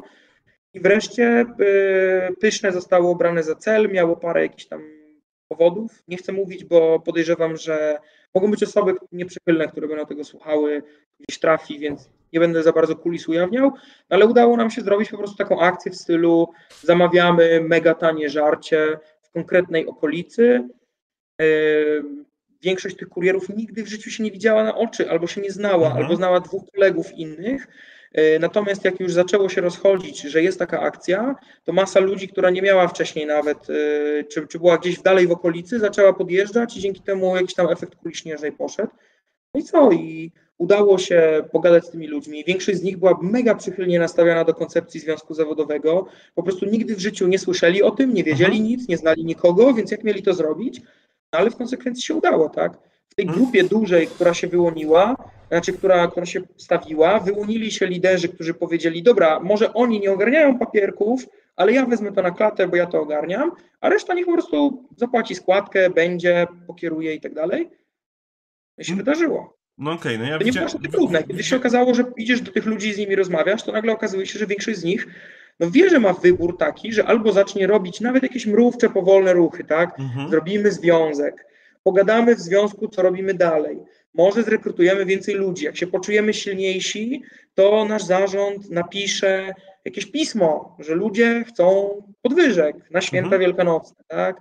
I to naprawdę można małymi krokami. To nie jest jakiś taki, że po prostu wali się od razu głową w mur. W niektórych miejscach może tak, ale mhm. w innych niekoniecznie. Mhm. No dobrze, to jakby tutaj e, działa się poboczna akcja założenia związku zawodowego, więc jakby... A... Skuteczna agitacja. No, jakby jesteś słuchany, więc jakby już, już byłeś na czacie, na, na czacie chwalony przez moją partnerkę że, że masz bardzo luzackie podejście połączone z wiedzą, więc jakby na propsie. To ta czapka robi robotę w tym Dziękuję, momencie. Dziękuję, kłaniam się. Ta czapka zasłania fakt, że po prostu nie umyłem włosów dzisiaj. Aha, no dobrze, to jakby po prostu nie myjesz się, rozumiem. To też jest jakby jakaś opcja. Tak ciężko pracuję, że nie mam czasu na mycie się. Profesor Matczak nie słyszał? No, no, no, no, no, no. E, e, jakby, no, no, no dobra, tylko wiesz, ja dalej, ja dalej cały czas y, jakby widzę tą, tą potrzebę, e, znaczy, dobra, najpierw powiem to, co zacząłem. E, ja widzę całą, ca, cały czas potrzebę opcji, wiesz, e, wejdź na stronę związku zawodowego, kliknij zamów ulotki i, i, i dostań do swojego zakładu pracy e, opcję, e, wiesz, rozrzuć ulotki w swoim zakładzie pracy, żeby ludzie tego, ponieważ no, no niestety potrzebujemy, wydaje mi się, też bardzo prostych kroków, które pozwolą ludziom przeskoczyć te najtrudniejsze płotki, nie? Bo... Stary, ale my jesteśmy totalnie on the same page here, ale jak zobacz, jakbyś, jakbyś zobaczył po prostu od środka w takiej pracy z centralą, jak długo trwa przepychanie pewnych rzeczy, dorastanie do pewnych jakby ja też, bo to co mówisz to jest innowacja, nie? Nie jest innowacja typu Elon Musk, to jest innowacja typu przemyślcie swój flow i przemyślcie usługę, którą dostarczacie, tak? Bo taki związek musiałby pomyśleć, że dostarczenie komunikatu tego typu to jest w ogóle ich, ich robota. Oni mhm. tego tak nie widzą. Nie? Mhm. I no to jest taka innowacja trwa, nie? Mogę powiedzieć tyle, że kruszymy ten beton. Akurat w OPZZ mamy teraz przewodniczącego, który jest bardzo, bardzo responsywny. Zaraz zobaczymy, o na jaki beton on się natknie sam. Okay. Ale jest nieźle. Okej. Okay. No bo wiesz, jakby e, kiedy mówimy o ludziach, którzy się boją, no to ja też myślę, że im trzeba im, im, trzeba okruszki posypać, żeby mogli tą drogę możliwie bezboleśnie przejść, nie? Żeby, żeby to, nie, to nie była problem, sytuacja... którego nie wiem jak przeskoczyć, jednak on wymaga takiej solidarności bardziej międzybranżowej i nie, nietypowo związkowej, to jest jednak problem bardzo rozdrobnionego polskiego januszeksowego biznesu. Tak? Mhm. Tych miejsc typu gastro, gdzie ludzie na śmieciówach i są tam na przykład dwie, trzy osoby, tak? Oni są nieuzwiązkawialni. No tak, no ale y- tutaj, tutaj na tą chwilę to wygląda, że najlepszą opcją dla takich ludzi jest zwrócenie się do Związku Syndykalistów Polskich, a, którzy, którzy, którzy przyjdą i, i będą groźnie wyglądać na zawołanie. E, Kurde, ktoś mi dodał do ich telegrama, więc śledzę, ale nie mam pojęcia ani kto, ani dlaczego, ale czytam.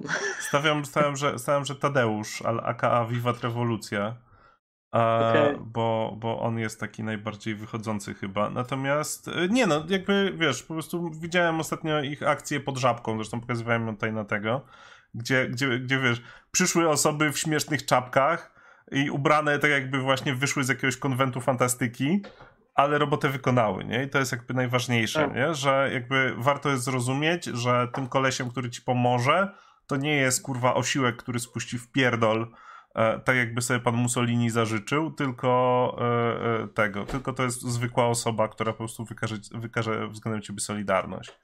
I, to i prawda, to... to... prawda. A zabawne jest w tym też to, że bardzo często to, ci, którzy kantują właśnie, że to nie jest tak, że z nimi, że właśnie, że musisz się bawić w coś w rodzaju stręczycielstwa, jakiejś mafii, po no. prostu wiesz. Tylko okazuje się, że to są ludzie, którzy myśleli, że ujdzie im na sucho ucięcie ci kasy, albo że tu coś tam, tym, tym, tym, tym, troszkę cię zmobują lekko i wiesz, ci, ci, którzy mobują, to są najczęściej ci, których zarazem bardzo łatwo jest zmobować to są ci, którzy są takimi małymi hitlerkami i oni myślą, że jak robią pozę, to innych nastraszą. I tak Słuchaj, no zawsze się trochę mobuje, nie? Jakby za, zawsze, się to, za, zawsze się trochę mobuje, no. Nie, nie, nie oszukujmy się. A... I do tego mieć dobrze zorganizowany ruch pracowniczy, dokładnie. A, no nie, ale jakby wiesz, jakby y, ja, ja bardzo wierzę w te rzeczy, natomiast no, mówię, martwię się o ludzi, który, którzy słyszą te wszystkie rzeczy, o których my rozmawiamy, i, i jakby mówią, kurwa, mnie to przytłacza, nie? I, i, i myślę, że to jest bardzo duży hamulcowy, jeżeli chodzi o związki zawodowe dzisiaj, nie? Myślę, że to jest bardzo duża taka rzecz, która przy, przy, przykłada się do tego, że te związki się nie, nie rozwijają, bo to jest jednak problem, kiedy, kiedy ta rzecz jest trudna, a tobie w życiu jest trudno, nie?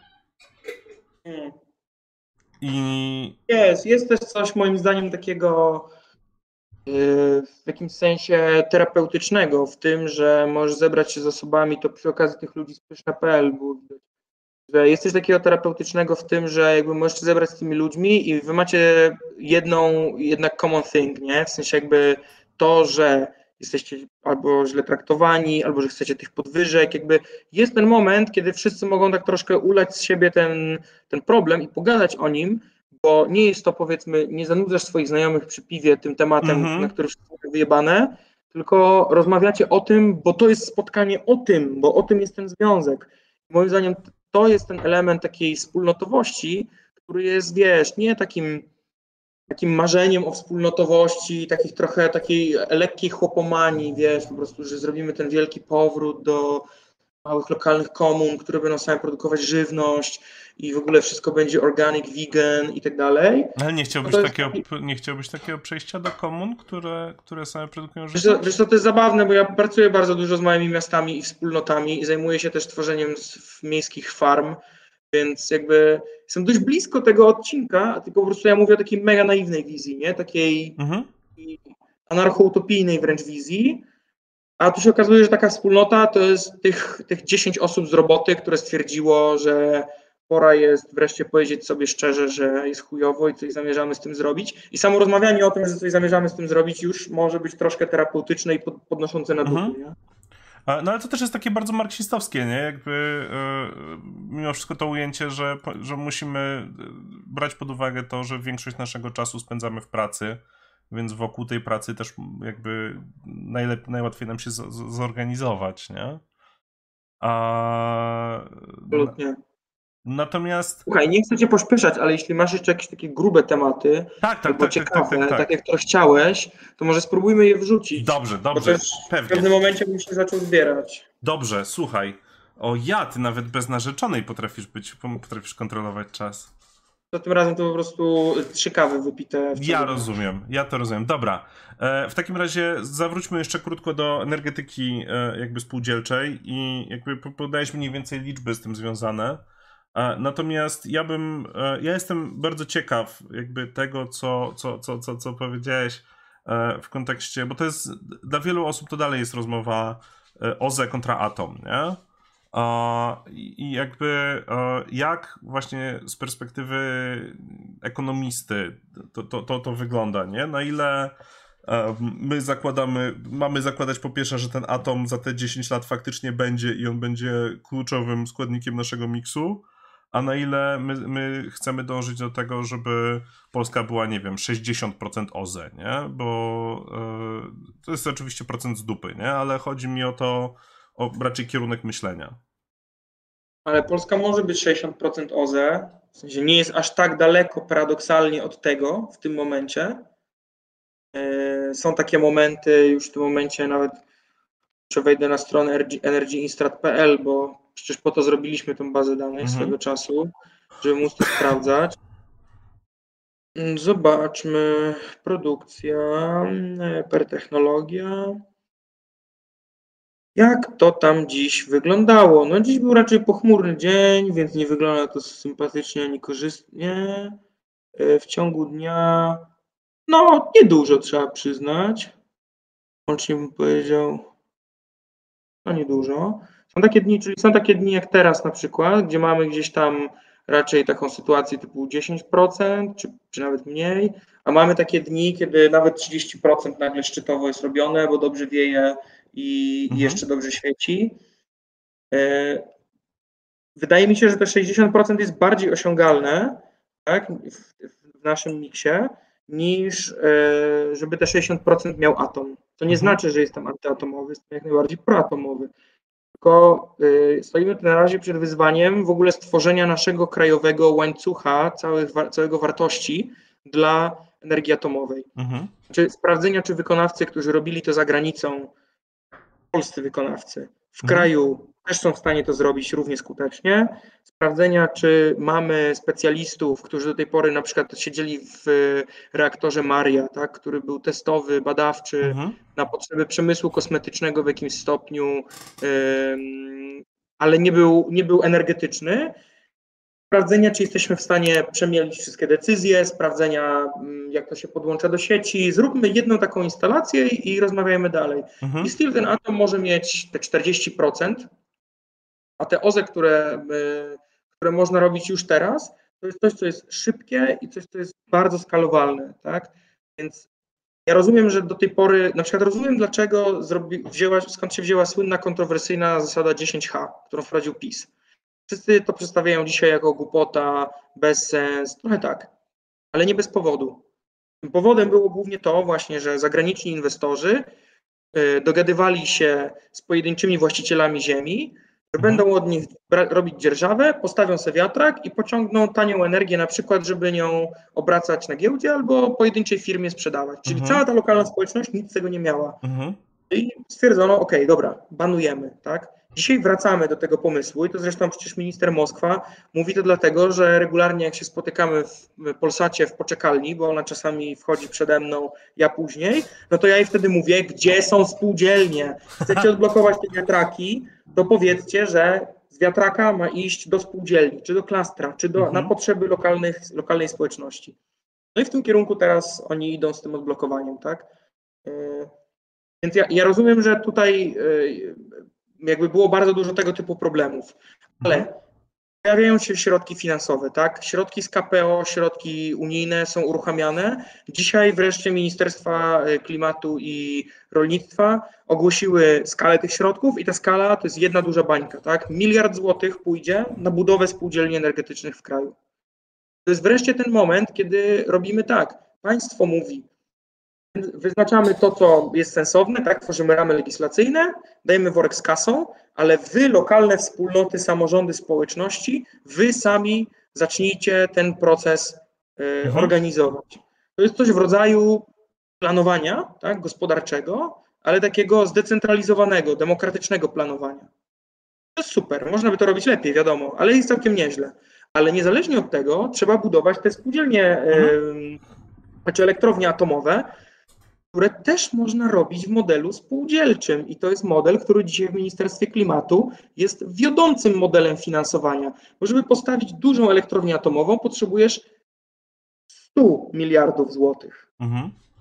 To nie jest coś, co w tym momencie ani Orlen, ani Energa, ani nikt inny nie wyciągnie z kieszeni. Mhm. Więc skoro tak, to jakiś model finansowania możesz przyjąć. No i model Sacho, który jest w ministerstwie przyjmowany dzisiaj za wiodący, to jest taki model, gdzie państwo wykłada najpierw kasę, na przykład 20 miliardów, budowa się rozpoczyna, są decyzje, wszystko się toczy, a potem zaczyna transzami sprzedawać udziały różnym podmiotom, na przykład samorządy, biznes energochłonny, obywatele, mhm. konkretne transze konkretnej wartości, a w zamian za to ci, którzy kupią te transze, będą w przyszłości mieli tańszą energię, bo będą bezpośrednio mieli umowy odbioru z tej, z tej spółdzielni atomowej.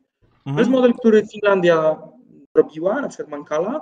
To jest model, który działa w Stanach Zjednoczonych. Tam jest kilkadziesiąt takich spółdzielni atomowych. W większości samorządy są właścicielami.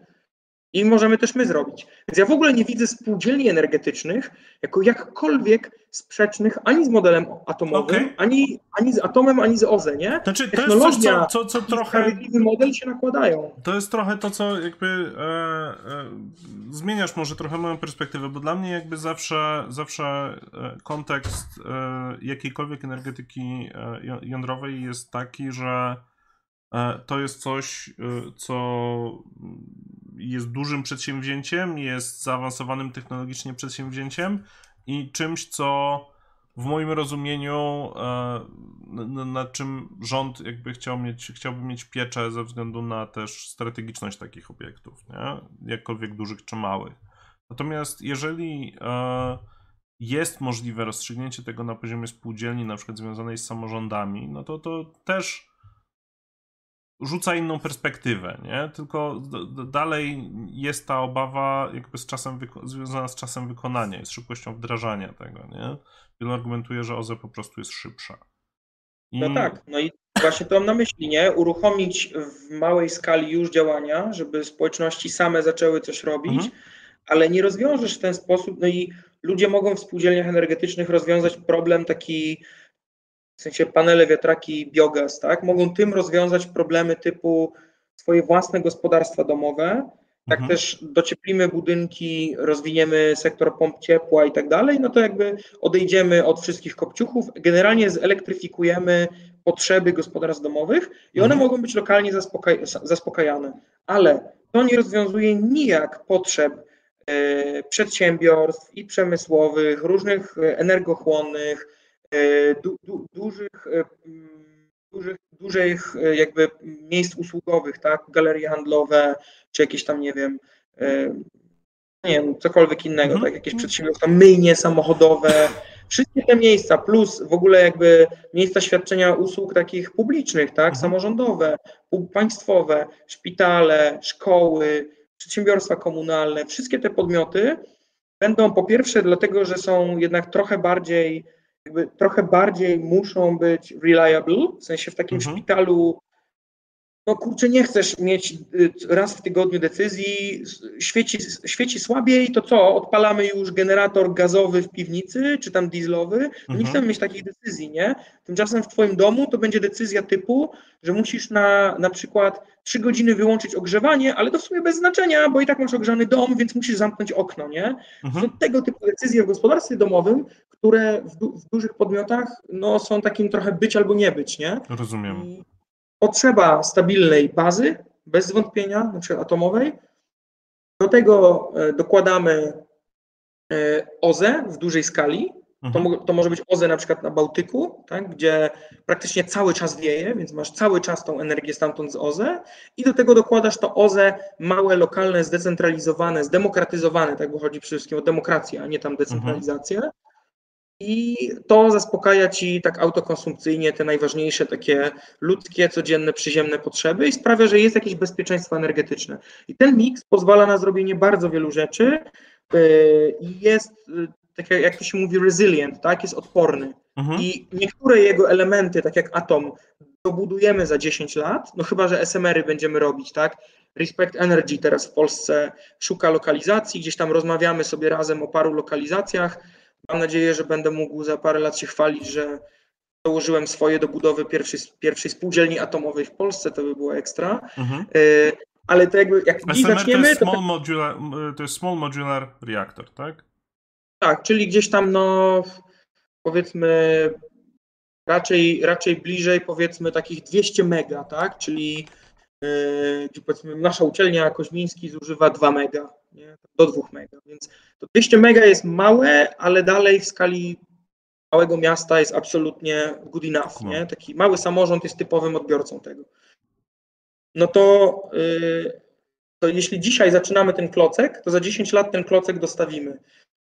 Ale to nie znaczy, że nie powinniśmy w tym samym czasie uruchamiać też klocka, który za rok już pomoże małym społecznościom mhm. jakoś tam oddychać swobodniej.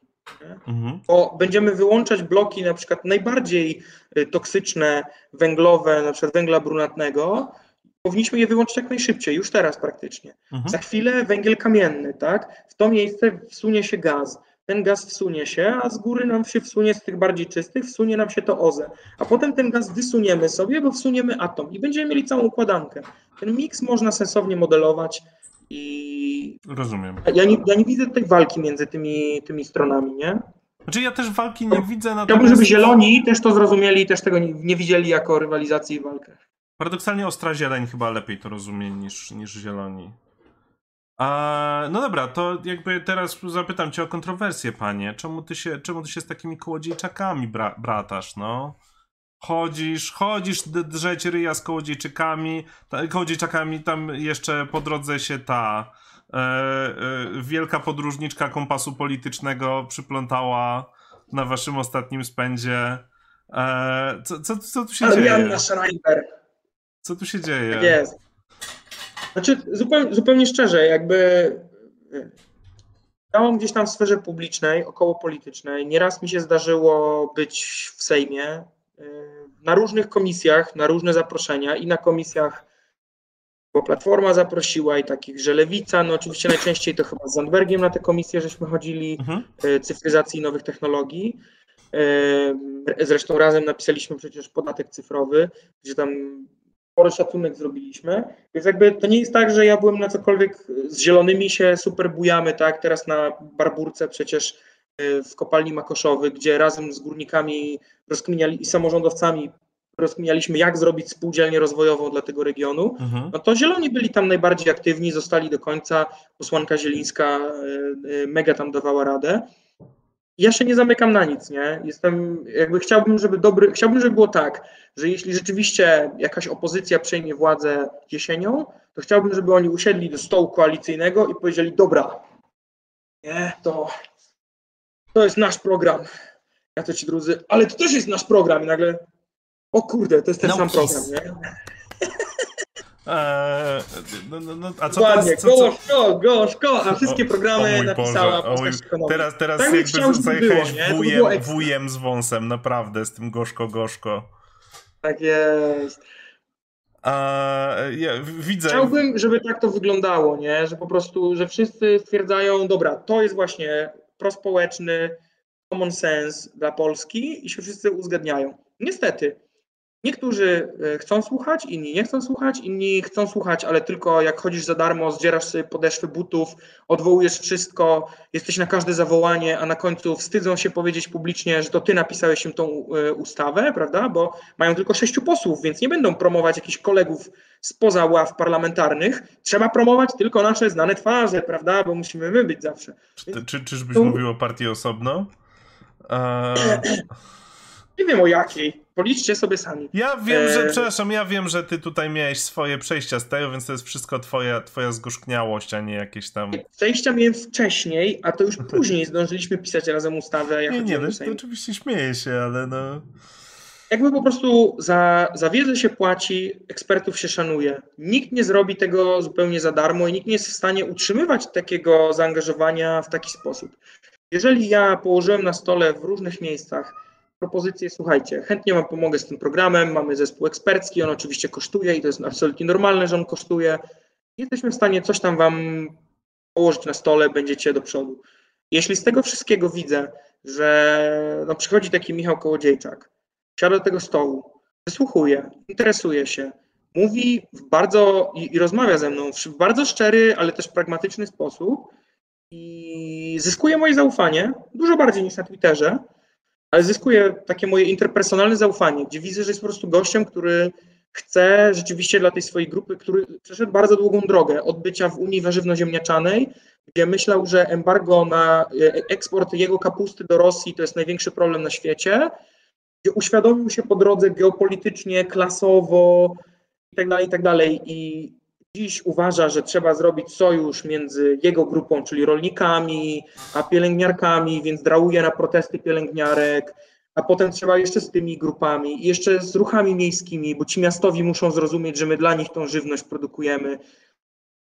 I ta osoba jest gotowa zapłacić ci za y, wspólne rozkminianie i zapisanie czegoś i za ekspertyzy, więc możesz zbudować normalny zespół, jest gotowa się chwalić tym, że robicie to razem, to on takie, okej, okay, why not? Mhm. Tak to powinno wyglądać. A nie tak, że nie ma think tanków partyjnych, nie ma chęci do współpracy z ekspertami. I ja dalej, dalej nie jestem na nikogo zamknięty. Mhm. Jak z, dalej spotykam się z y, ludźmi z różnych opcji. No dobra, ale to wiesz, ale to ja ci mogę zarzucić... Szanować. No dobra, ale ja ci mogę zarzucić w tym momencie to samo, co twojemu imiennikowi. A, z mniejszą liczbą, z, z mniejszą ilością włosów a, który, który wiesz, w podobnym rozumowaniu e, będzie, wystąpi i z tym, i, i, i z, kaletą, nie? E, i, nie no, kaleta to jest dla mnie jeden most daleko. E, wiesz, i jakby. Ale nie oceniam go, nie oceniam. Jak chce, to niech występuje. E, jakby i trochę na przykład ja jestem daleko od krzyczenia o, wiesz, lewicowej czystości, ale z drugiej strony, e, jak, jak, jak patrzę na to, tak, w takim rozumieniu, że idziesz występować z kimś, kto może, kto może brzmieć, kto, kto, kto może krzywdzić moją stronę, to już nie do końca jestem taki super happy, że, że, że, że widzę właśnie e, ciebie, a Kołodziejczak jest osobą, która w najlepszym, najłagodniej mówiąc, wzbudza kontrowersję i niepokój. W, prze, przez część ludzi jest uznawany po prostu za, za po, po, populistycznego oszusta, nie? I z częścią to... populistycznego nie, nie polemizuję. Uważam, nie, że to dobrze. Ale wiesz o, co, wiesz o co chodzi, że jakby to trochę zmniejsza zaufanie do, do, do, do ciebie potencjalnie, dlatego że e, z jednej strony, wiadomo, skupiasz się na realizowaniu swoich celów społecznych, ale z drugiej strony e, no być może twoje realizowanie celów społecznych będzie dla mnie szkodliwe, mimo że teoretycznie obaj jesteśmy bardziej po lewej stronie, nie? I, i, i to, Ale czemu, mia czemu, czemu, miałoby, czemu miałoby to, że jakby rolnicy ze swoim powiedzmy nowym takim liderem społecznym, tak, yy, przeszli jakąś tam drogę protestów, która trwa wiele lat, w sensie to się nie zaczęło wczoraj ani przedwczoraj, to się zaczęło wiele lat temu, przeszli bardzo długą drogę. E, po drodze mieli sympatię i podawali rękę często ludziom niewłaściwym, z którymi się pożegnali po czasie, tak, typu Bąkiewicz. Mhm. Często robili rzeczy, które dlatego, że są z takiej tradycji, tak, że żeby być widocznymi w mieście muszą zrobić, muszą zrobić zadymę. Nie ma innego wyjścia. Zadyma mi nie przeszkadza. Bardziej przeszkadza mi to, że czasem z tego środowiska dalej wypływają rzeczy albo antysemickie, albo anty-LGBT, nie? Słuchaj, moim zdaniem nie poradzisz na to, jakie masz społeczeństwo. Albo siadasz z tymi ludźmi do stołu i edukujesz ich i rozmawiasz, ale nie edukujesz z wielkopańskiej pozycji, tylko z no, takiej... No, oczywiście, że tak. My szanujemy was, wy szanujecie nas, jakby ogarnijmy się, tak? Mhm. I to się dzieje, kurczę, wiesz, ten strajk kryzysowy, o którym wspominasz, mhm. y, trochę, trochę jestem autorem pożenienia tych stron jakby na, na, tym, na, na tym strajku mhm. różnych, bo przecież i, i, i strajk kobiet, akcja demokracja, oczywiście dziewczyny ze wschodu, tak, czyli mhm. post MSK i sami rolnicy. I te wszystkie strony wysłuchały się z kulturą i z szacunkiem na jakby na, na tym podejście. Y, Marianna Schreiber, która tam przyszła, ewidentnie od początku szukała zadymy, bo miała nadrukowanych obrazków, chodziła w tłumie, pytała, kto z nią wbiegnie na scenę. Nikt nie chciał. W końcu Anita Sowińska dała swojemu posłanka lewicy, która potem kłamała w internecie, że nic nie wiedziała, dała kartkę swojemu asystentowi i powiedziała, żeby on wszedł.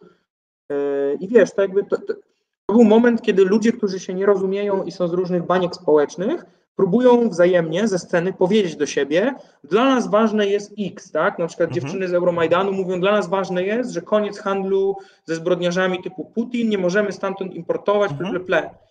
Wychodzą i mówią, a dla nas ważne jest to, żeby przestać na rolnikach zarabiać marżami takiej biedronki, ściskać nam ceny, bo my potrzebujemy za co ten. I te obie strony się uczą teraz, o co im chodzi. To nie jest moim zdaniem moment na to, żeby wyłazić na scenę, rozbijać to i mówić i krzyczeć coś o tych futerkach. Nie mówię, że futerka nie są ważne. O futerkach rozmawia się wtedy, kiedy ja sobie piszę ten program, bo zostałem o to poproszony i rozmawiam z tym, tymi ludźmi, którzy tym ruchem trochę próbują jakoś tam kierować i mówię im, słuchajcie, musimy zakazać tych jebanych futerek, no po prostu. Musimy coś z tym zrobić. No musimy zrobić coś z tym, że fermy przemysłowe niszczą też wieś, bo wy sami wiecie, że po prostu jest smród, są choroby, które się roznoszą, tak? Wchodzi ten wielki przemysł i po prostu stawia sobie ogromną kubaturę mhm. obok waszych domów, tak?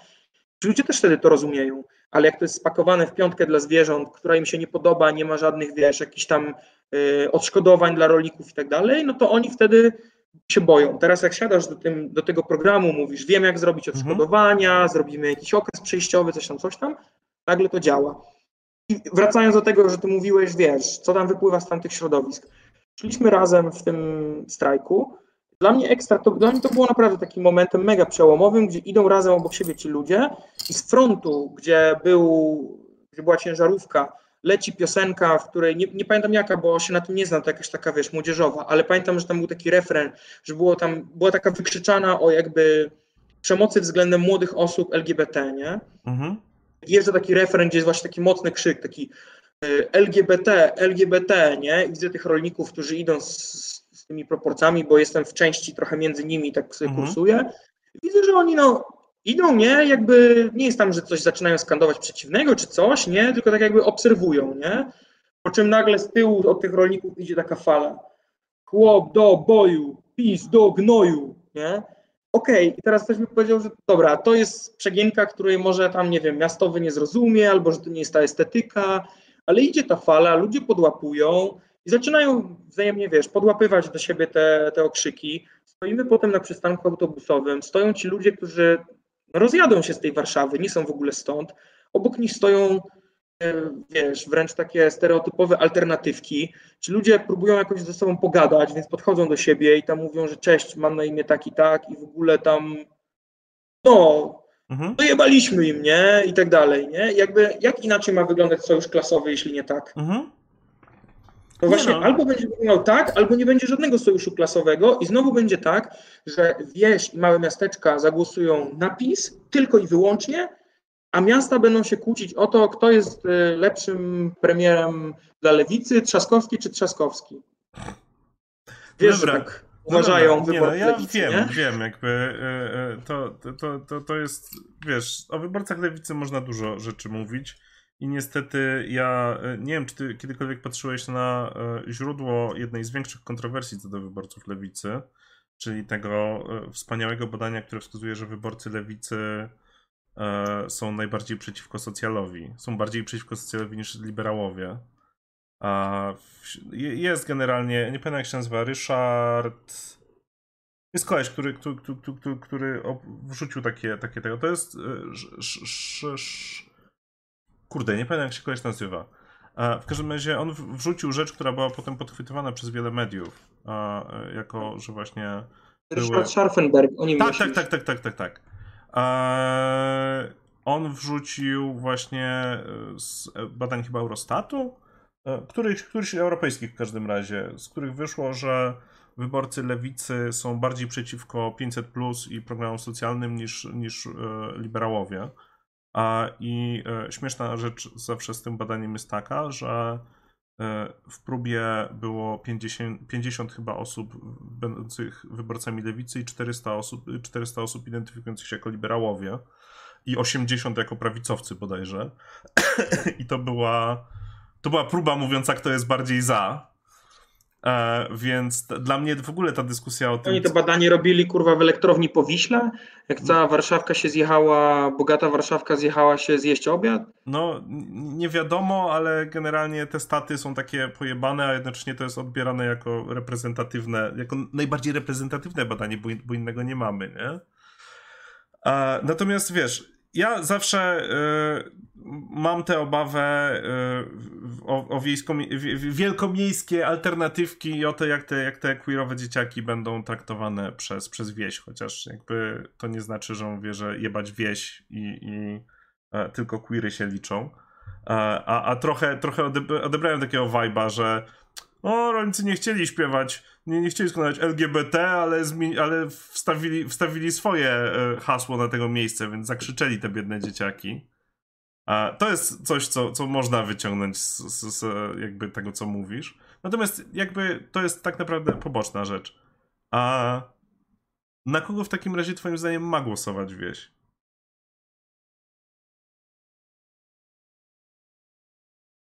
Hmm. Wiesz co, chciałbym zobaczyć programy polityczne wszystkich partii.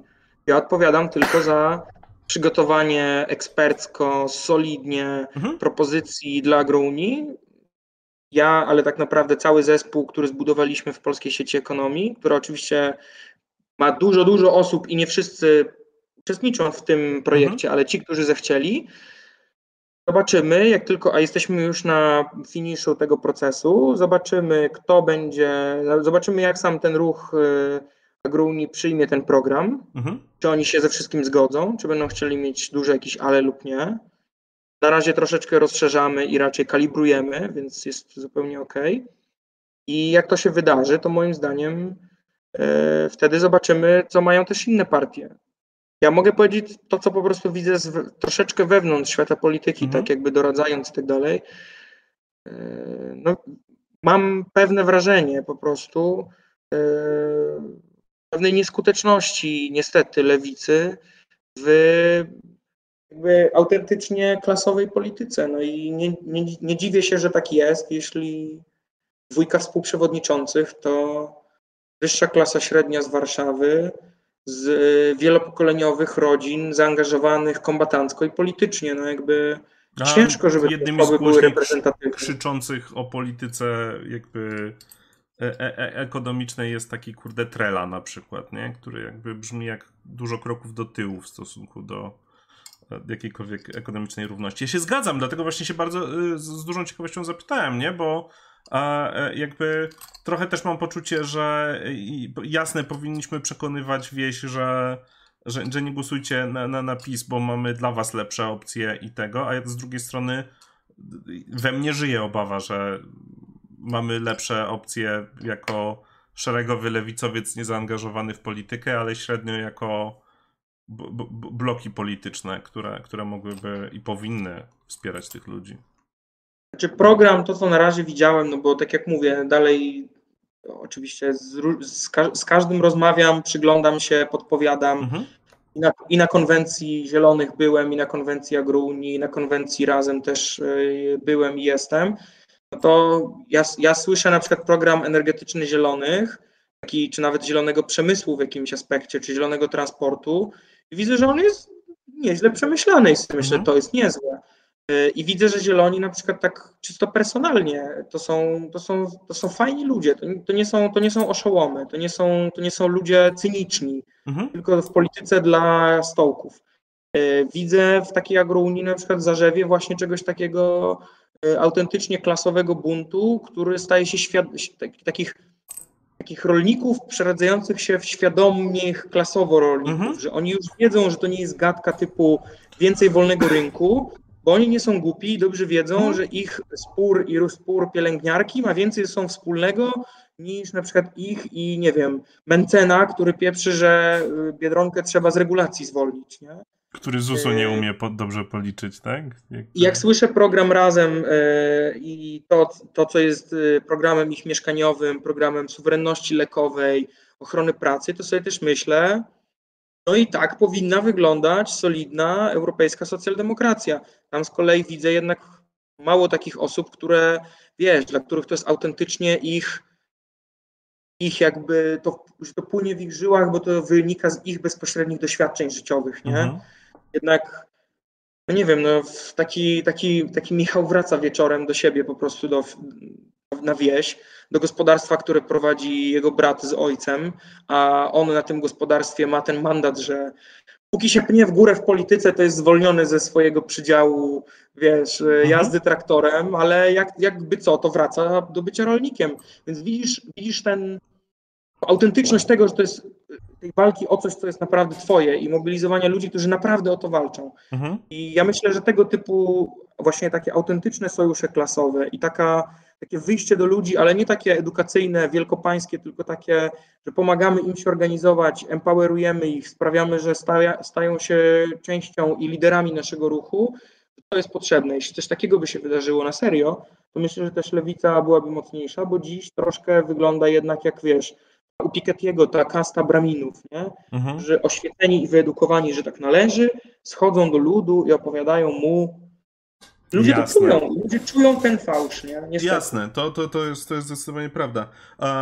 ja tylko w sumie chciałem pominąć to, ale tak się szybko zapytam, jeżeli masz krótką odpowiedź na to, bo też sam powiedziałeś, że chcesz się zbierać.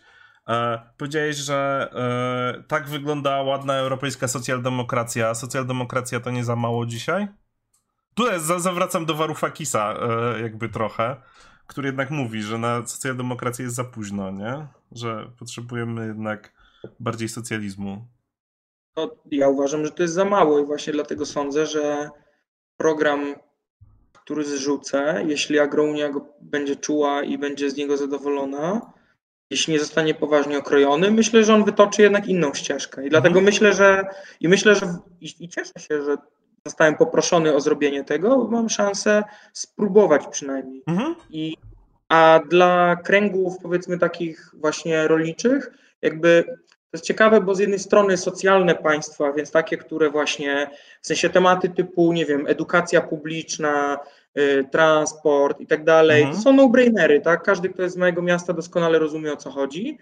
Jednocześnie jest ten strach przed, wiesz, uzależnieniem od y, Orlenu, grupy Azoty w zakresie nawozów i tak dalej, więc ten taki, coś w rodzaju takiego etosu demokracji ekonomicznej czy spółdzielczości jest tam dużo bardziej żywe. Ja myślę, że to jest ten element socjalizmu, który jest brakujący dzisiaj w debacie, że socjaldemokracja, nawet ta nasza, zafiksowała się na tym, że silne, bogate państwo zapewnia usługi publiczne.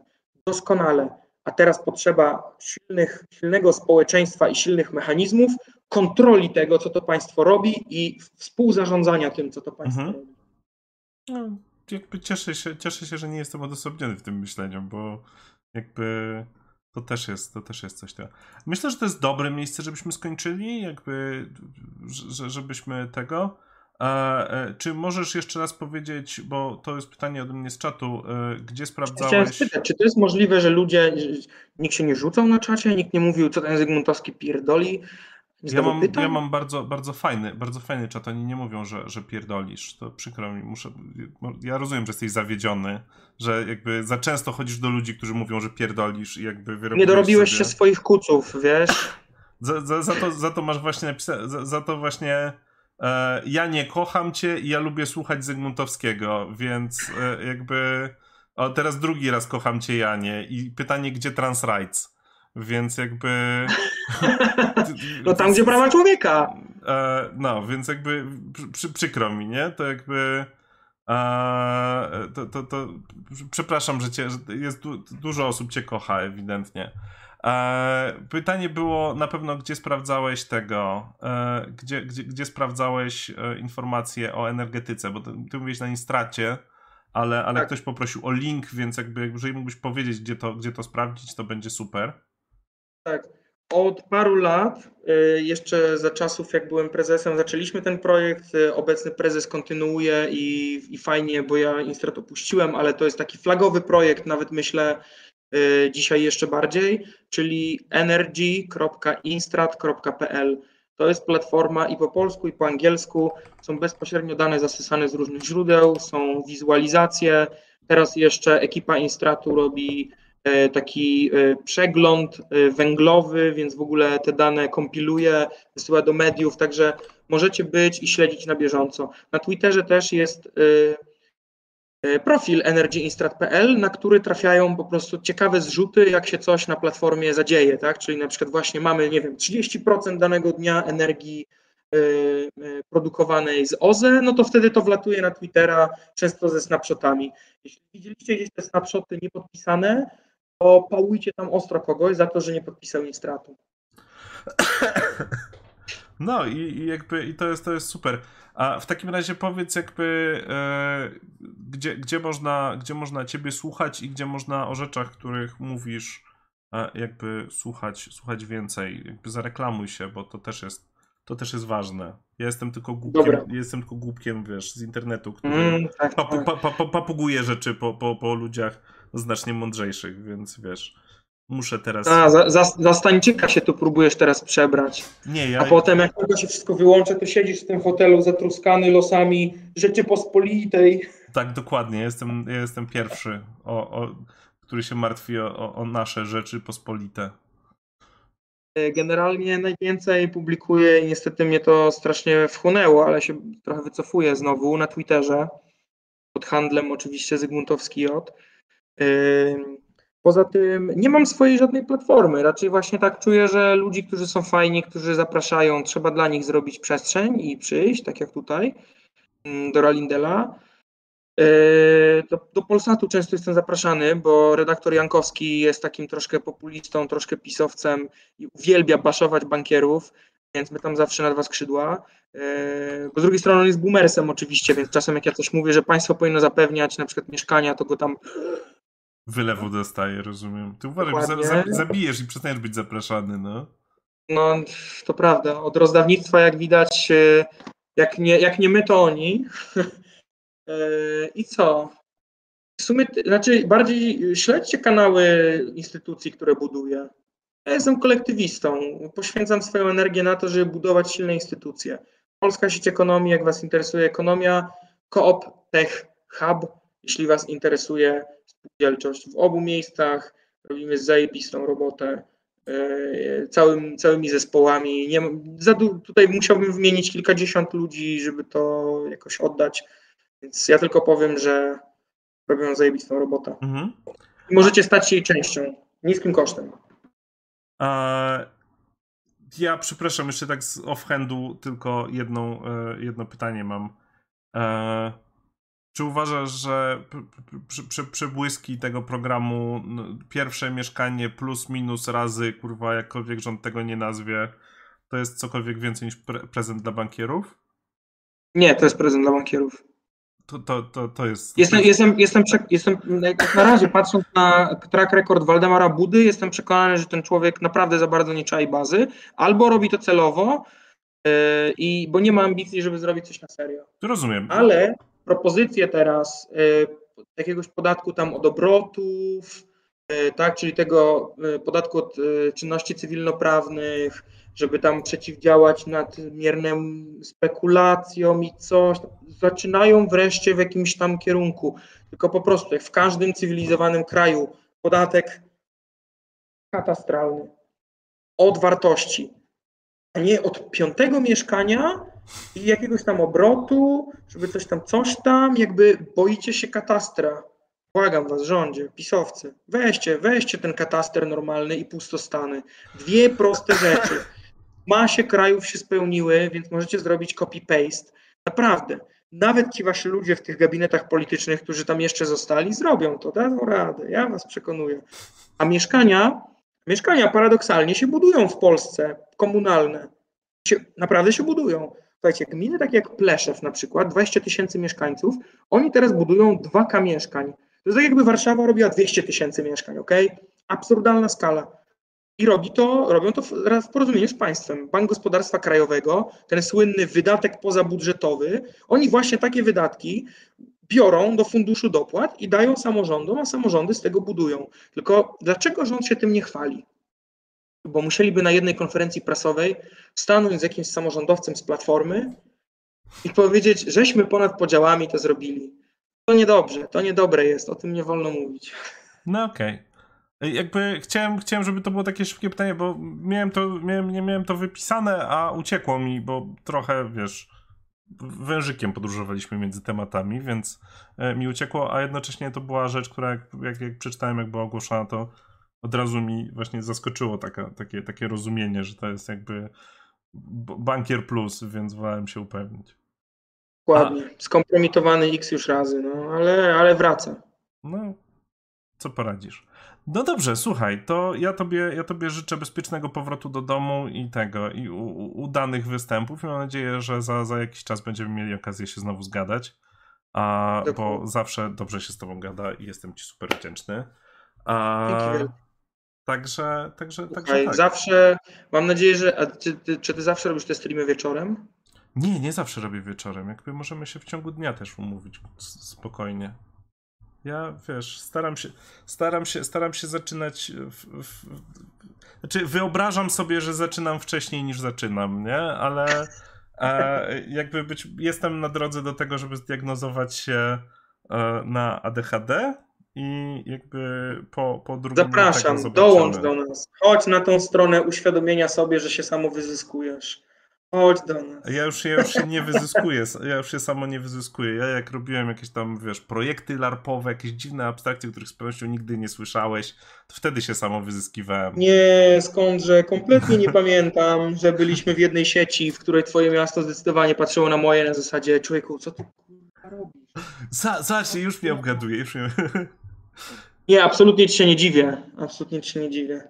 A... Kto dał 15-latkowi prowadzić całe Trójmiasto w larpach. What the fuck? Kto podjął tak głupią decyzję? Ty, człowieku, o. ja ci powiem tak, zobacz sobie, zobacz sobie u mnie na kanale chociaż fragment rozmowy e, z szesnastolatkiem o jego wątpliwościach co do spółdzielczości i jakby e, myślę, że, że, że umniejszanie nastolatkom ci przejdzie. Jakby no byłeś, byłeś bardzo obiecującym młodym człowiekiem e, i, i, i zobacz jak pięknie wyrosłeś, więc jakby E, te, te, te, te, te 15-latki to nie, nie, nie, nie są aż takie głupie, czy coś. Ten młody, to ja mu powiem, wiesz, załóż spółdzielnię, to będziesz gadał. Nie, on się, tylko, on się tylko bał tego, że spółdzielnie mogą mieć mniejszą motywację do zatrudniania ludzi, nie? I rozmawialiśmy o tym dłuższą chwilę. Ale wiesz, jakby takich, takich ludzi potrzebujemy, którzy przyjdą i powiedzą, ja wątpię, ale chętnie o tym pogadam. To jest baza. Znajdę tą rozmowę na YouTubie, nie? Tak, jest tego. To jest jedna z nowszych rozmów w ogóle tego. Która? Co? Która? W sensie mam ci policzyć. Która rozmowa? Nie, żebym ją znalazł. A. Poczekaj. Visibility, public. Ja ci ją wyślę na, na, na Facebooku, to sobie zobaczysz. A, bo ty masz takie poukrywane, tak? Nie, po prostu łatwiej jest mi wyszukać od, od mojej strony, nie? Dlatego.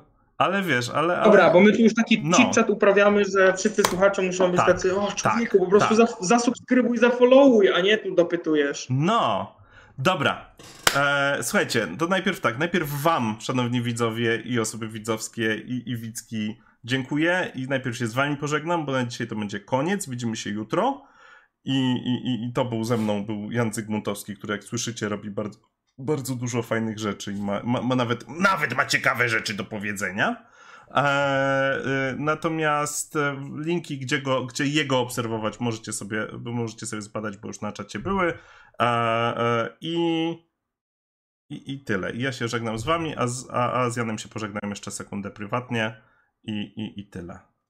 Także... Dziękujemy wam, kłaniamy się, pa. Dzięki.